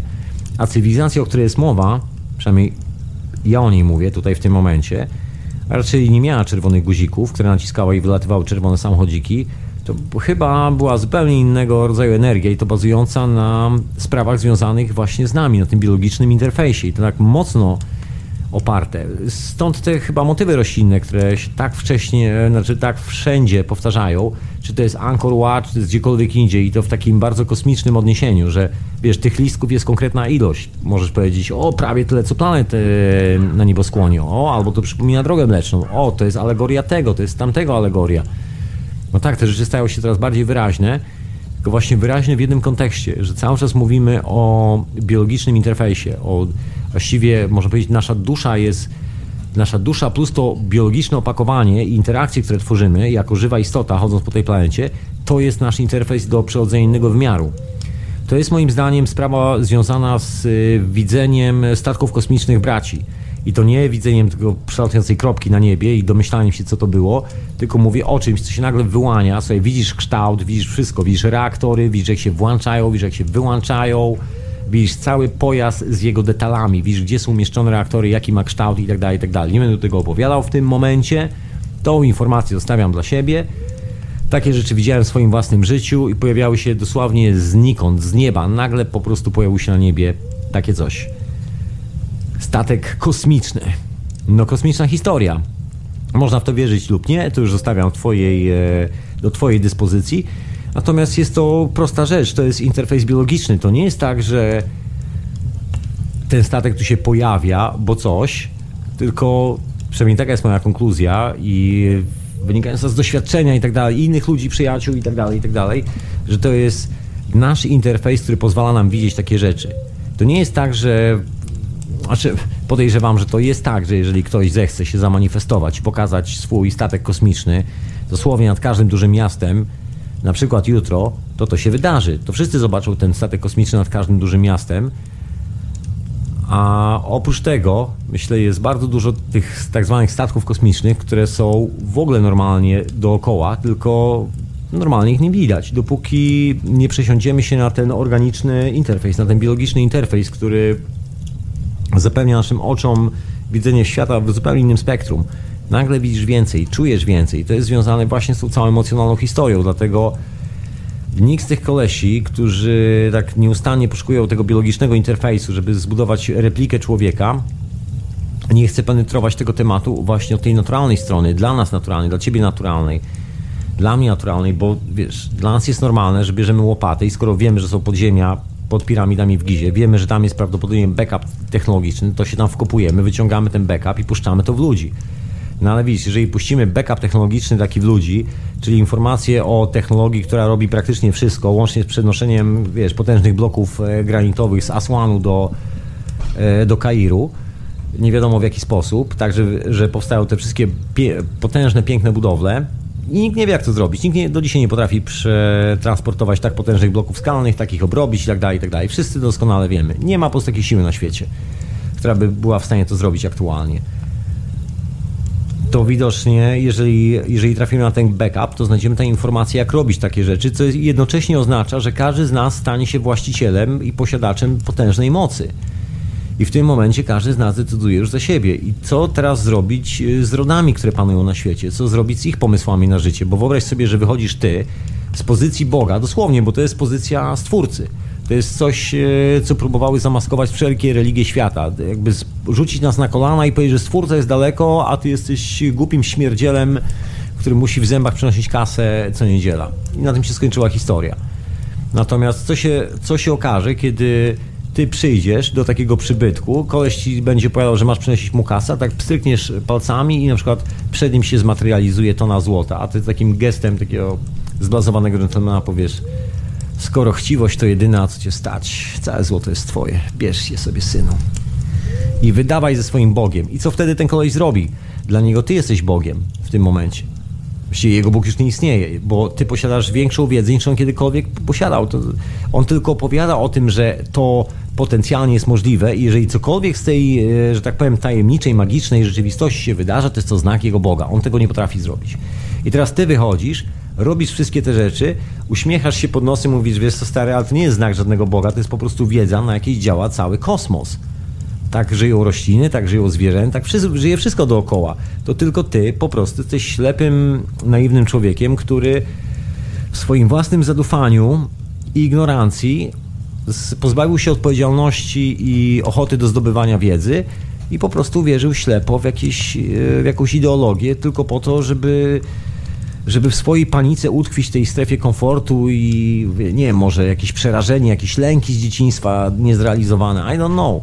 Ale w, w każdym razie nie ma tam nic poza strachem.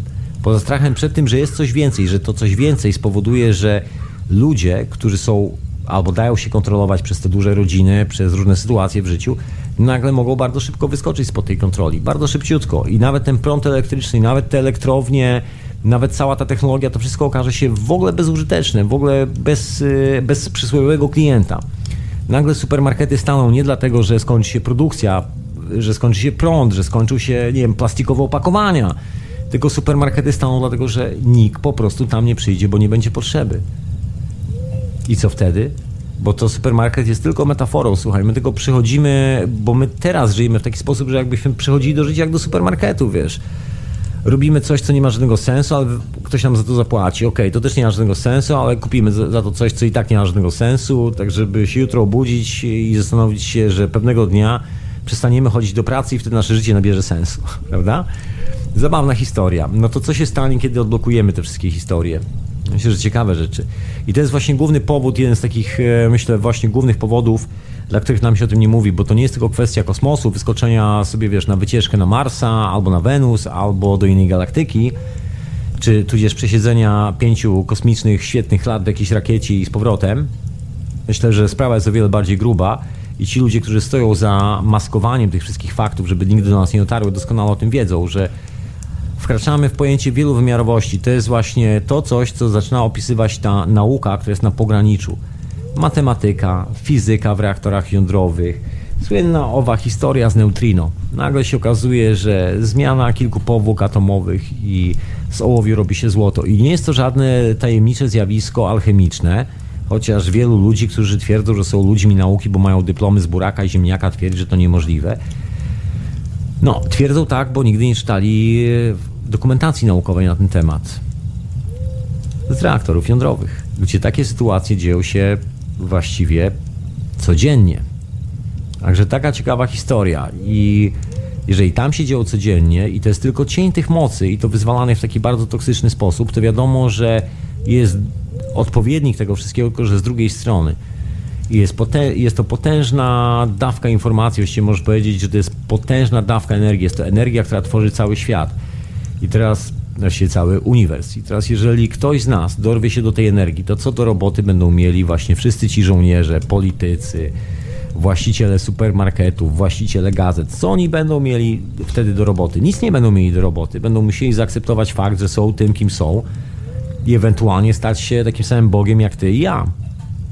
Tylko właśnie, czy ich kombinacja aminokwasów po tych latach, wiesz, aminokwasów, e, krwi, e, pól w ogóle, które są utworzone w organizmie. Właściwie do tego się to sprowadza, bo cofamy się do wiesz, czasów Marie Curie, do pól, do oddziaływania właśnie tych pól. To, co Marie Curie nazywała radiacją, magnetyczną radiacją, między innymi. Niestety nie możemy sobie tak spokojnie otworzyć notatek e, małżeństwa Curie, ponieważ są to silnie radioaktywne notatki. Poważnie, są w specjalnej szufladzie i są e, podawane w specjalnych sytuacjach, w ogóle w rękawiczkach i tak dalej, w takiej gablocie, bo promieniują, świecą. Ale Marie Curie odkryła jedną ciekawą rzecz i to jest, to jest wielka sprawa. Ta kobieta naprawdę była tak odważna i tak dziarska, że skumała, że jest więcej niż mniej. I to, co robiła, to właściwie było poszukiwanie tego momentu, kiedy ona będzie mogła operować tymi mocami owej magnetycznej radiacji, ale tej drugiej, bo wiedziała, że poza magnetycznym sygnałem jest jeszcze jedna rzecz – i właśnie tam jest e, kluczyk do panowania nad tym całym, wiesz, kosmosem. I właśnie tego szukała. Nigdy nie udało się jej tego znaleźć. Teraz już wiemy, co to jest, że to jest e, połączenie grawitacyjno-magnetycznego pola. Wiedzą to o tym ludzie z NASA, wiedzą o tym ludzie z Rosyjskiej Akademii Nauk, Moskiewskiej Akademii Nauk, e, wiedzą o tym ludzie z wielu, wielu miejsc, z Chin, z uniwersytetów w Japonii Ten proces transmutacji w reaktorach jądrowych był przeprowadzany już prawie 20 lat temu przez praktycznie każde mocarstwo, które ma swoje własne reaktory eksperymentalne. To nie jest taka tajemnica. To co najwyżej jest coś, czego nam nie powiedziano, czego, czego nie uczono na studiach, przysłowiowo mówiąc. I tylko tyle. Natomiast wszystko to jest absolutnie prawdą. I największy numer jest taki, że całe neutrino, cała, cała ta historia związana z trans, transmutacją jest czymś, co nas dotyczy, bo jeżeli spojrzysz na to, jak się datuje te wszystkie, wiesz, garki, wszystkie ciekawe rzeczy, to jest w ogóle ciekawa historia. Właśnie tak planuję pewnego dnia, jeżeli będzie okazja, właśnie przydatować swoją ceramikę, tą, którą dostałem w prezencie, ten kawałek ceramiki, bo ceramika zapisuje jedną ciekawą rzecz. Pole grawitacyjno-magnetyczne Ziemi glina, jeżeli, jeżeli w ogóle powstaje glina na tej planecie, to powstaje podczas na przykład wybuchu wulkanu, coś się tam dzieje i jest formowany materiał. Podczas formowania się materiału ustawiane jest jego pole grawitacyjno-magnetyczne, a dokładnie my to odczytujemy jako pole magnetyczne. Zawsze idealnie w stosunku do Ziemi, czyli masz taki konkretny pik, że w tym momencie nastąpiło namagnesowanie po prostu cząsteczki, nie wiem, czy to jest e, kawałek, wiesz, glinek, aluminium, czy, czegokolwiek, co tam jest, po prostu glinki czyli ta glina, wszystkie materiały, które się znajdują, czyli żelazo i tak dalej, i tak dalej. Bo tam jest prawie cała tablica Mendelejewa. No i w tym momencie, kiedy jest to wyrzucane na powierzchnię, kiedy się formuje, zapamiętuje pola magnetyczne Ziemi i grawitacyjne też. Następnie, kiedy robisz z tego garnek wkładasz do pieca, robisz coś takiego jak restrukturyzację przeresetowujesz te pola i albo grawitacyjne, albo to oryginalne magnetyczne ziemskie było mocniejsze i na wykresie ten twój pik, kiedy ty robisz garnek i wypiekasz, tam tysiąc lat po powstaniu tej gliny, ten pik jest słabszy albo jest wyższy. Z reguły jest wyższy, bo wiadomo, że temperatura w, przy, wypie, przy wypieku ceramiki jest dosyć spora. No i automatycznie zapisujesz datę, kiedy została stworzona ceramika. Wystarczy, że sprawdzisz położenie magnetyczne tych cząsteczek w środku. Pole magnetyczne każdej cząsteczki, jak mocno namagnesowana jest glina i w jakim kierunku. Jeżeli to uda Ci się zbadać, to w tym momencie wiesz, jak dawno temu został wypieczony ów garnek w owym piecu. Także można to w ten sposób sprawdzić. Ja tego nigdy nie sprawdzałem, no ale to jest ciekawa rzecz właśnie związana z tym, y, no co dużo mówić, czasem transformacji w ogóle na świecie i z tą tajemniczą informacją, która jest przed nami chowana że jest to jeszcze dodatkowo związane z e, tak zwanym po angielsku jest shift, czyli zmiana pól magnetycznych Ziemi. Jest to taka bardzo gruba sprawa, która za tym stoi, że ten interfejs, ten całoorganiczny interfejs i te wszystkie informacje są związane z tak, tak mocnymi potężnymi kosmicznymi procesami, że latanie po kosmosie przy tym to jest tylko część tego wszystkiego i naprawdę niewielka, bo właściwie powoli zaczynamy dotykać całych procesów kosmicznych, z którymi jesteśmy sklejeni. To jest tak jak no tak, tak jak cała historia z nami, z tymi piramidami, bo przecież nie wiadomo ile było tych cywilizacji, nie wiadomo ile było do końca tych powodzi. Jeżeli było pięć wielkich powodzi, pięć wielkich e, zakład, to było na przykład pięć wielkich cywilizacji. Jak przeglądasz te zdjęcia lotnicze planety Ziemia, to tych anomalii, wielkich, potężnych dróg, które ciągną przez pustkowia, a droga tam nigdy nie była budowana, przynajmniej przez ostatnie 300 lat a wcześniej nie było nawet technologii, która mogłaby opanować wybudowanie nawet kawałka tej drogi. To kto ją zrobił? To ile ta droga ma lat? Czy nie ma przypadkiem paru tysięcy, a może paręset tysięcy? Nikt tego do końca nie wie. Samo to wiesz, ustawienie piramid pod różnymi kątami. Kolejna bardzo mocna hipoteza, która mówi, że są to ślady różnych cywilizacji. Inny kąt ustawienia piramidy oznacza inny czas, yy, inną dynamikę obracania się Ziemi, jakby inny układ planetarny w cudzysłowie, w którym Ziemia była, znaczy inny. No tu się kłania pan Welakowski, ale ja może skończę na dzisiaj, bo tu wątków jest tyle, że ja mógłbym tak do białego rana z tymi wątkami. To ja może skończę na dzisiaj. Y, zapraszam cię człowieku na za tydzień, gdzie poruszę kolejną część tego wszystkiego. A ty jak masz czas, słuchaj, przyjrzyj się na książki e, pana Welakowskiego. Lata 50. Koleś z Rosji, który skończył uniwersytet gdzieś w Jerozolimie, studiował Stary Testament i te katastrofy w Starym Testamencie, sprawdzając to z geologią i w ogóle mając swoje różne bardzo ciekawe kosmiczne koncepcje. I jak się okazuje, wiele z tych koncepcji jest całkiem, całkiem trafna. I jak na razie wychodzi na to, że się całkiem nieźle sprawdza. Także zobacz sobie na pana Welakowskiego, to jest ciekawa historia. A ja wrócę do tematu za tydzień. Odkładam sobie tą kartkę z notatkami i będziemy wracali do tych tematów no widzisz, wygląda na to, że jesteśmy tak kosmicznie podpięci pod cały układ galaktyczny, planetarny, łącznie z drogą mleczną. indywidualnie, właśnie przez ten organiczny, biologiczny interfejs, że mamy, jesteśmy częścią jakiejś struktury kosmicznej. Ciekawe. Dobra, to ja kończę na dzisiaj tą swoją e, opowieść. Zostawiam Cię z tymi wszystkimi pytaniami i wątkami w głowie. I zapraszam na krótką, wieczorową porę, oczywiście w radiu na fali, e, streamowaną w radiu Paranormalium oraz w radiu Dreamtime. Także dzięki wielkie za wysłuchanie mojej rozgadanej jak zwykle hiperprzestrzeni. Mało muzy było, ale wiesz co, temat jest gruby, także ciężko pamiętać o muzyce, kiedy przed oczami stoją te piramidy, rozumiesz? Fascynująca historia, fascynująca. Ja przypominam, że e, we środę o 23 jest książę. Jak się samochód nie zepsuje, to teraz będzie ok. Do końca będzie. Także zapraszam do etykiety zastępczej do księcia, zapraszam do Grzegorza, do czasu snu, no i przy okazji wpadaj do Paranormalium. To są bardzo ciekawe debaty y, ufologiczne, gdzie dżentelmeni czasami poruszają no, wątki, które są mi osobiście bardzo bliskie. Także ja też sobie czasami tego słucham. Pozdrawiam wszystkich uczestników w ogóle debat paranormalnych serdecznie. Jest to świetny materiał, także polecam serdecznie. I słuchać, i uczestniczyć. A to y, w Radiu Paranormalium w niedzielę, także po sąsiedzku. Y, a mnie można jeszcze spotkać na technologii plazmowej na YouTube. Jakbyś chciał zobaczyć, co ja skręcam z tych drutów w technologii cache. Także jak widzisz, każdy ma coś do robienia. Koniec świata, słuchaj, budujemy nowy świat. To wiesz, gdzie wszystkich znaleźć, co się dzieje w tygodniu, co i jak. Oczywiście jest Facebook Radia na Fali, rzadko odwiedzany przeze mnie, ale może teraz niebawem będę miał trochę więcej czasu. Kto wie, jak mi się zechce, bo ten Facebook to już powoli mam dosyć mediów społecznościowych. Człowiek, człowiek jest ważniejszy niż monitor. Anyway. Y, to ja się zawijam, słuchaj, człowieku, na wieczorową porę. Zostawiam cię tu samopas. Jeżeli słuchasz tego offline, to życzę ci miłego dnia, miłego następnego dnia i w ogóle, żeby było miło. I usłyszymy się następnym razem. A ty słuchałeś. Hiperprzestrzeni w radionafali.com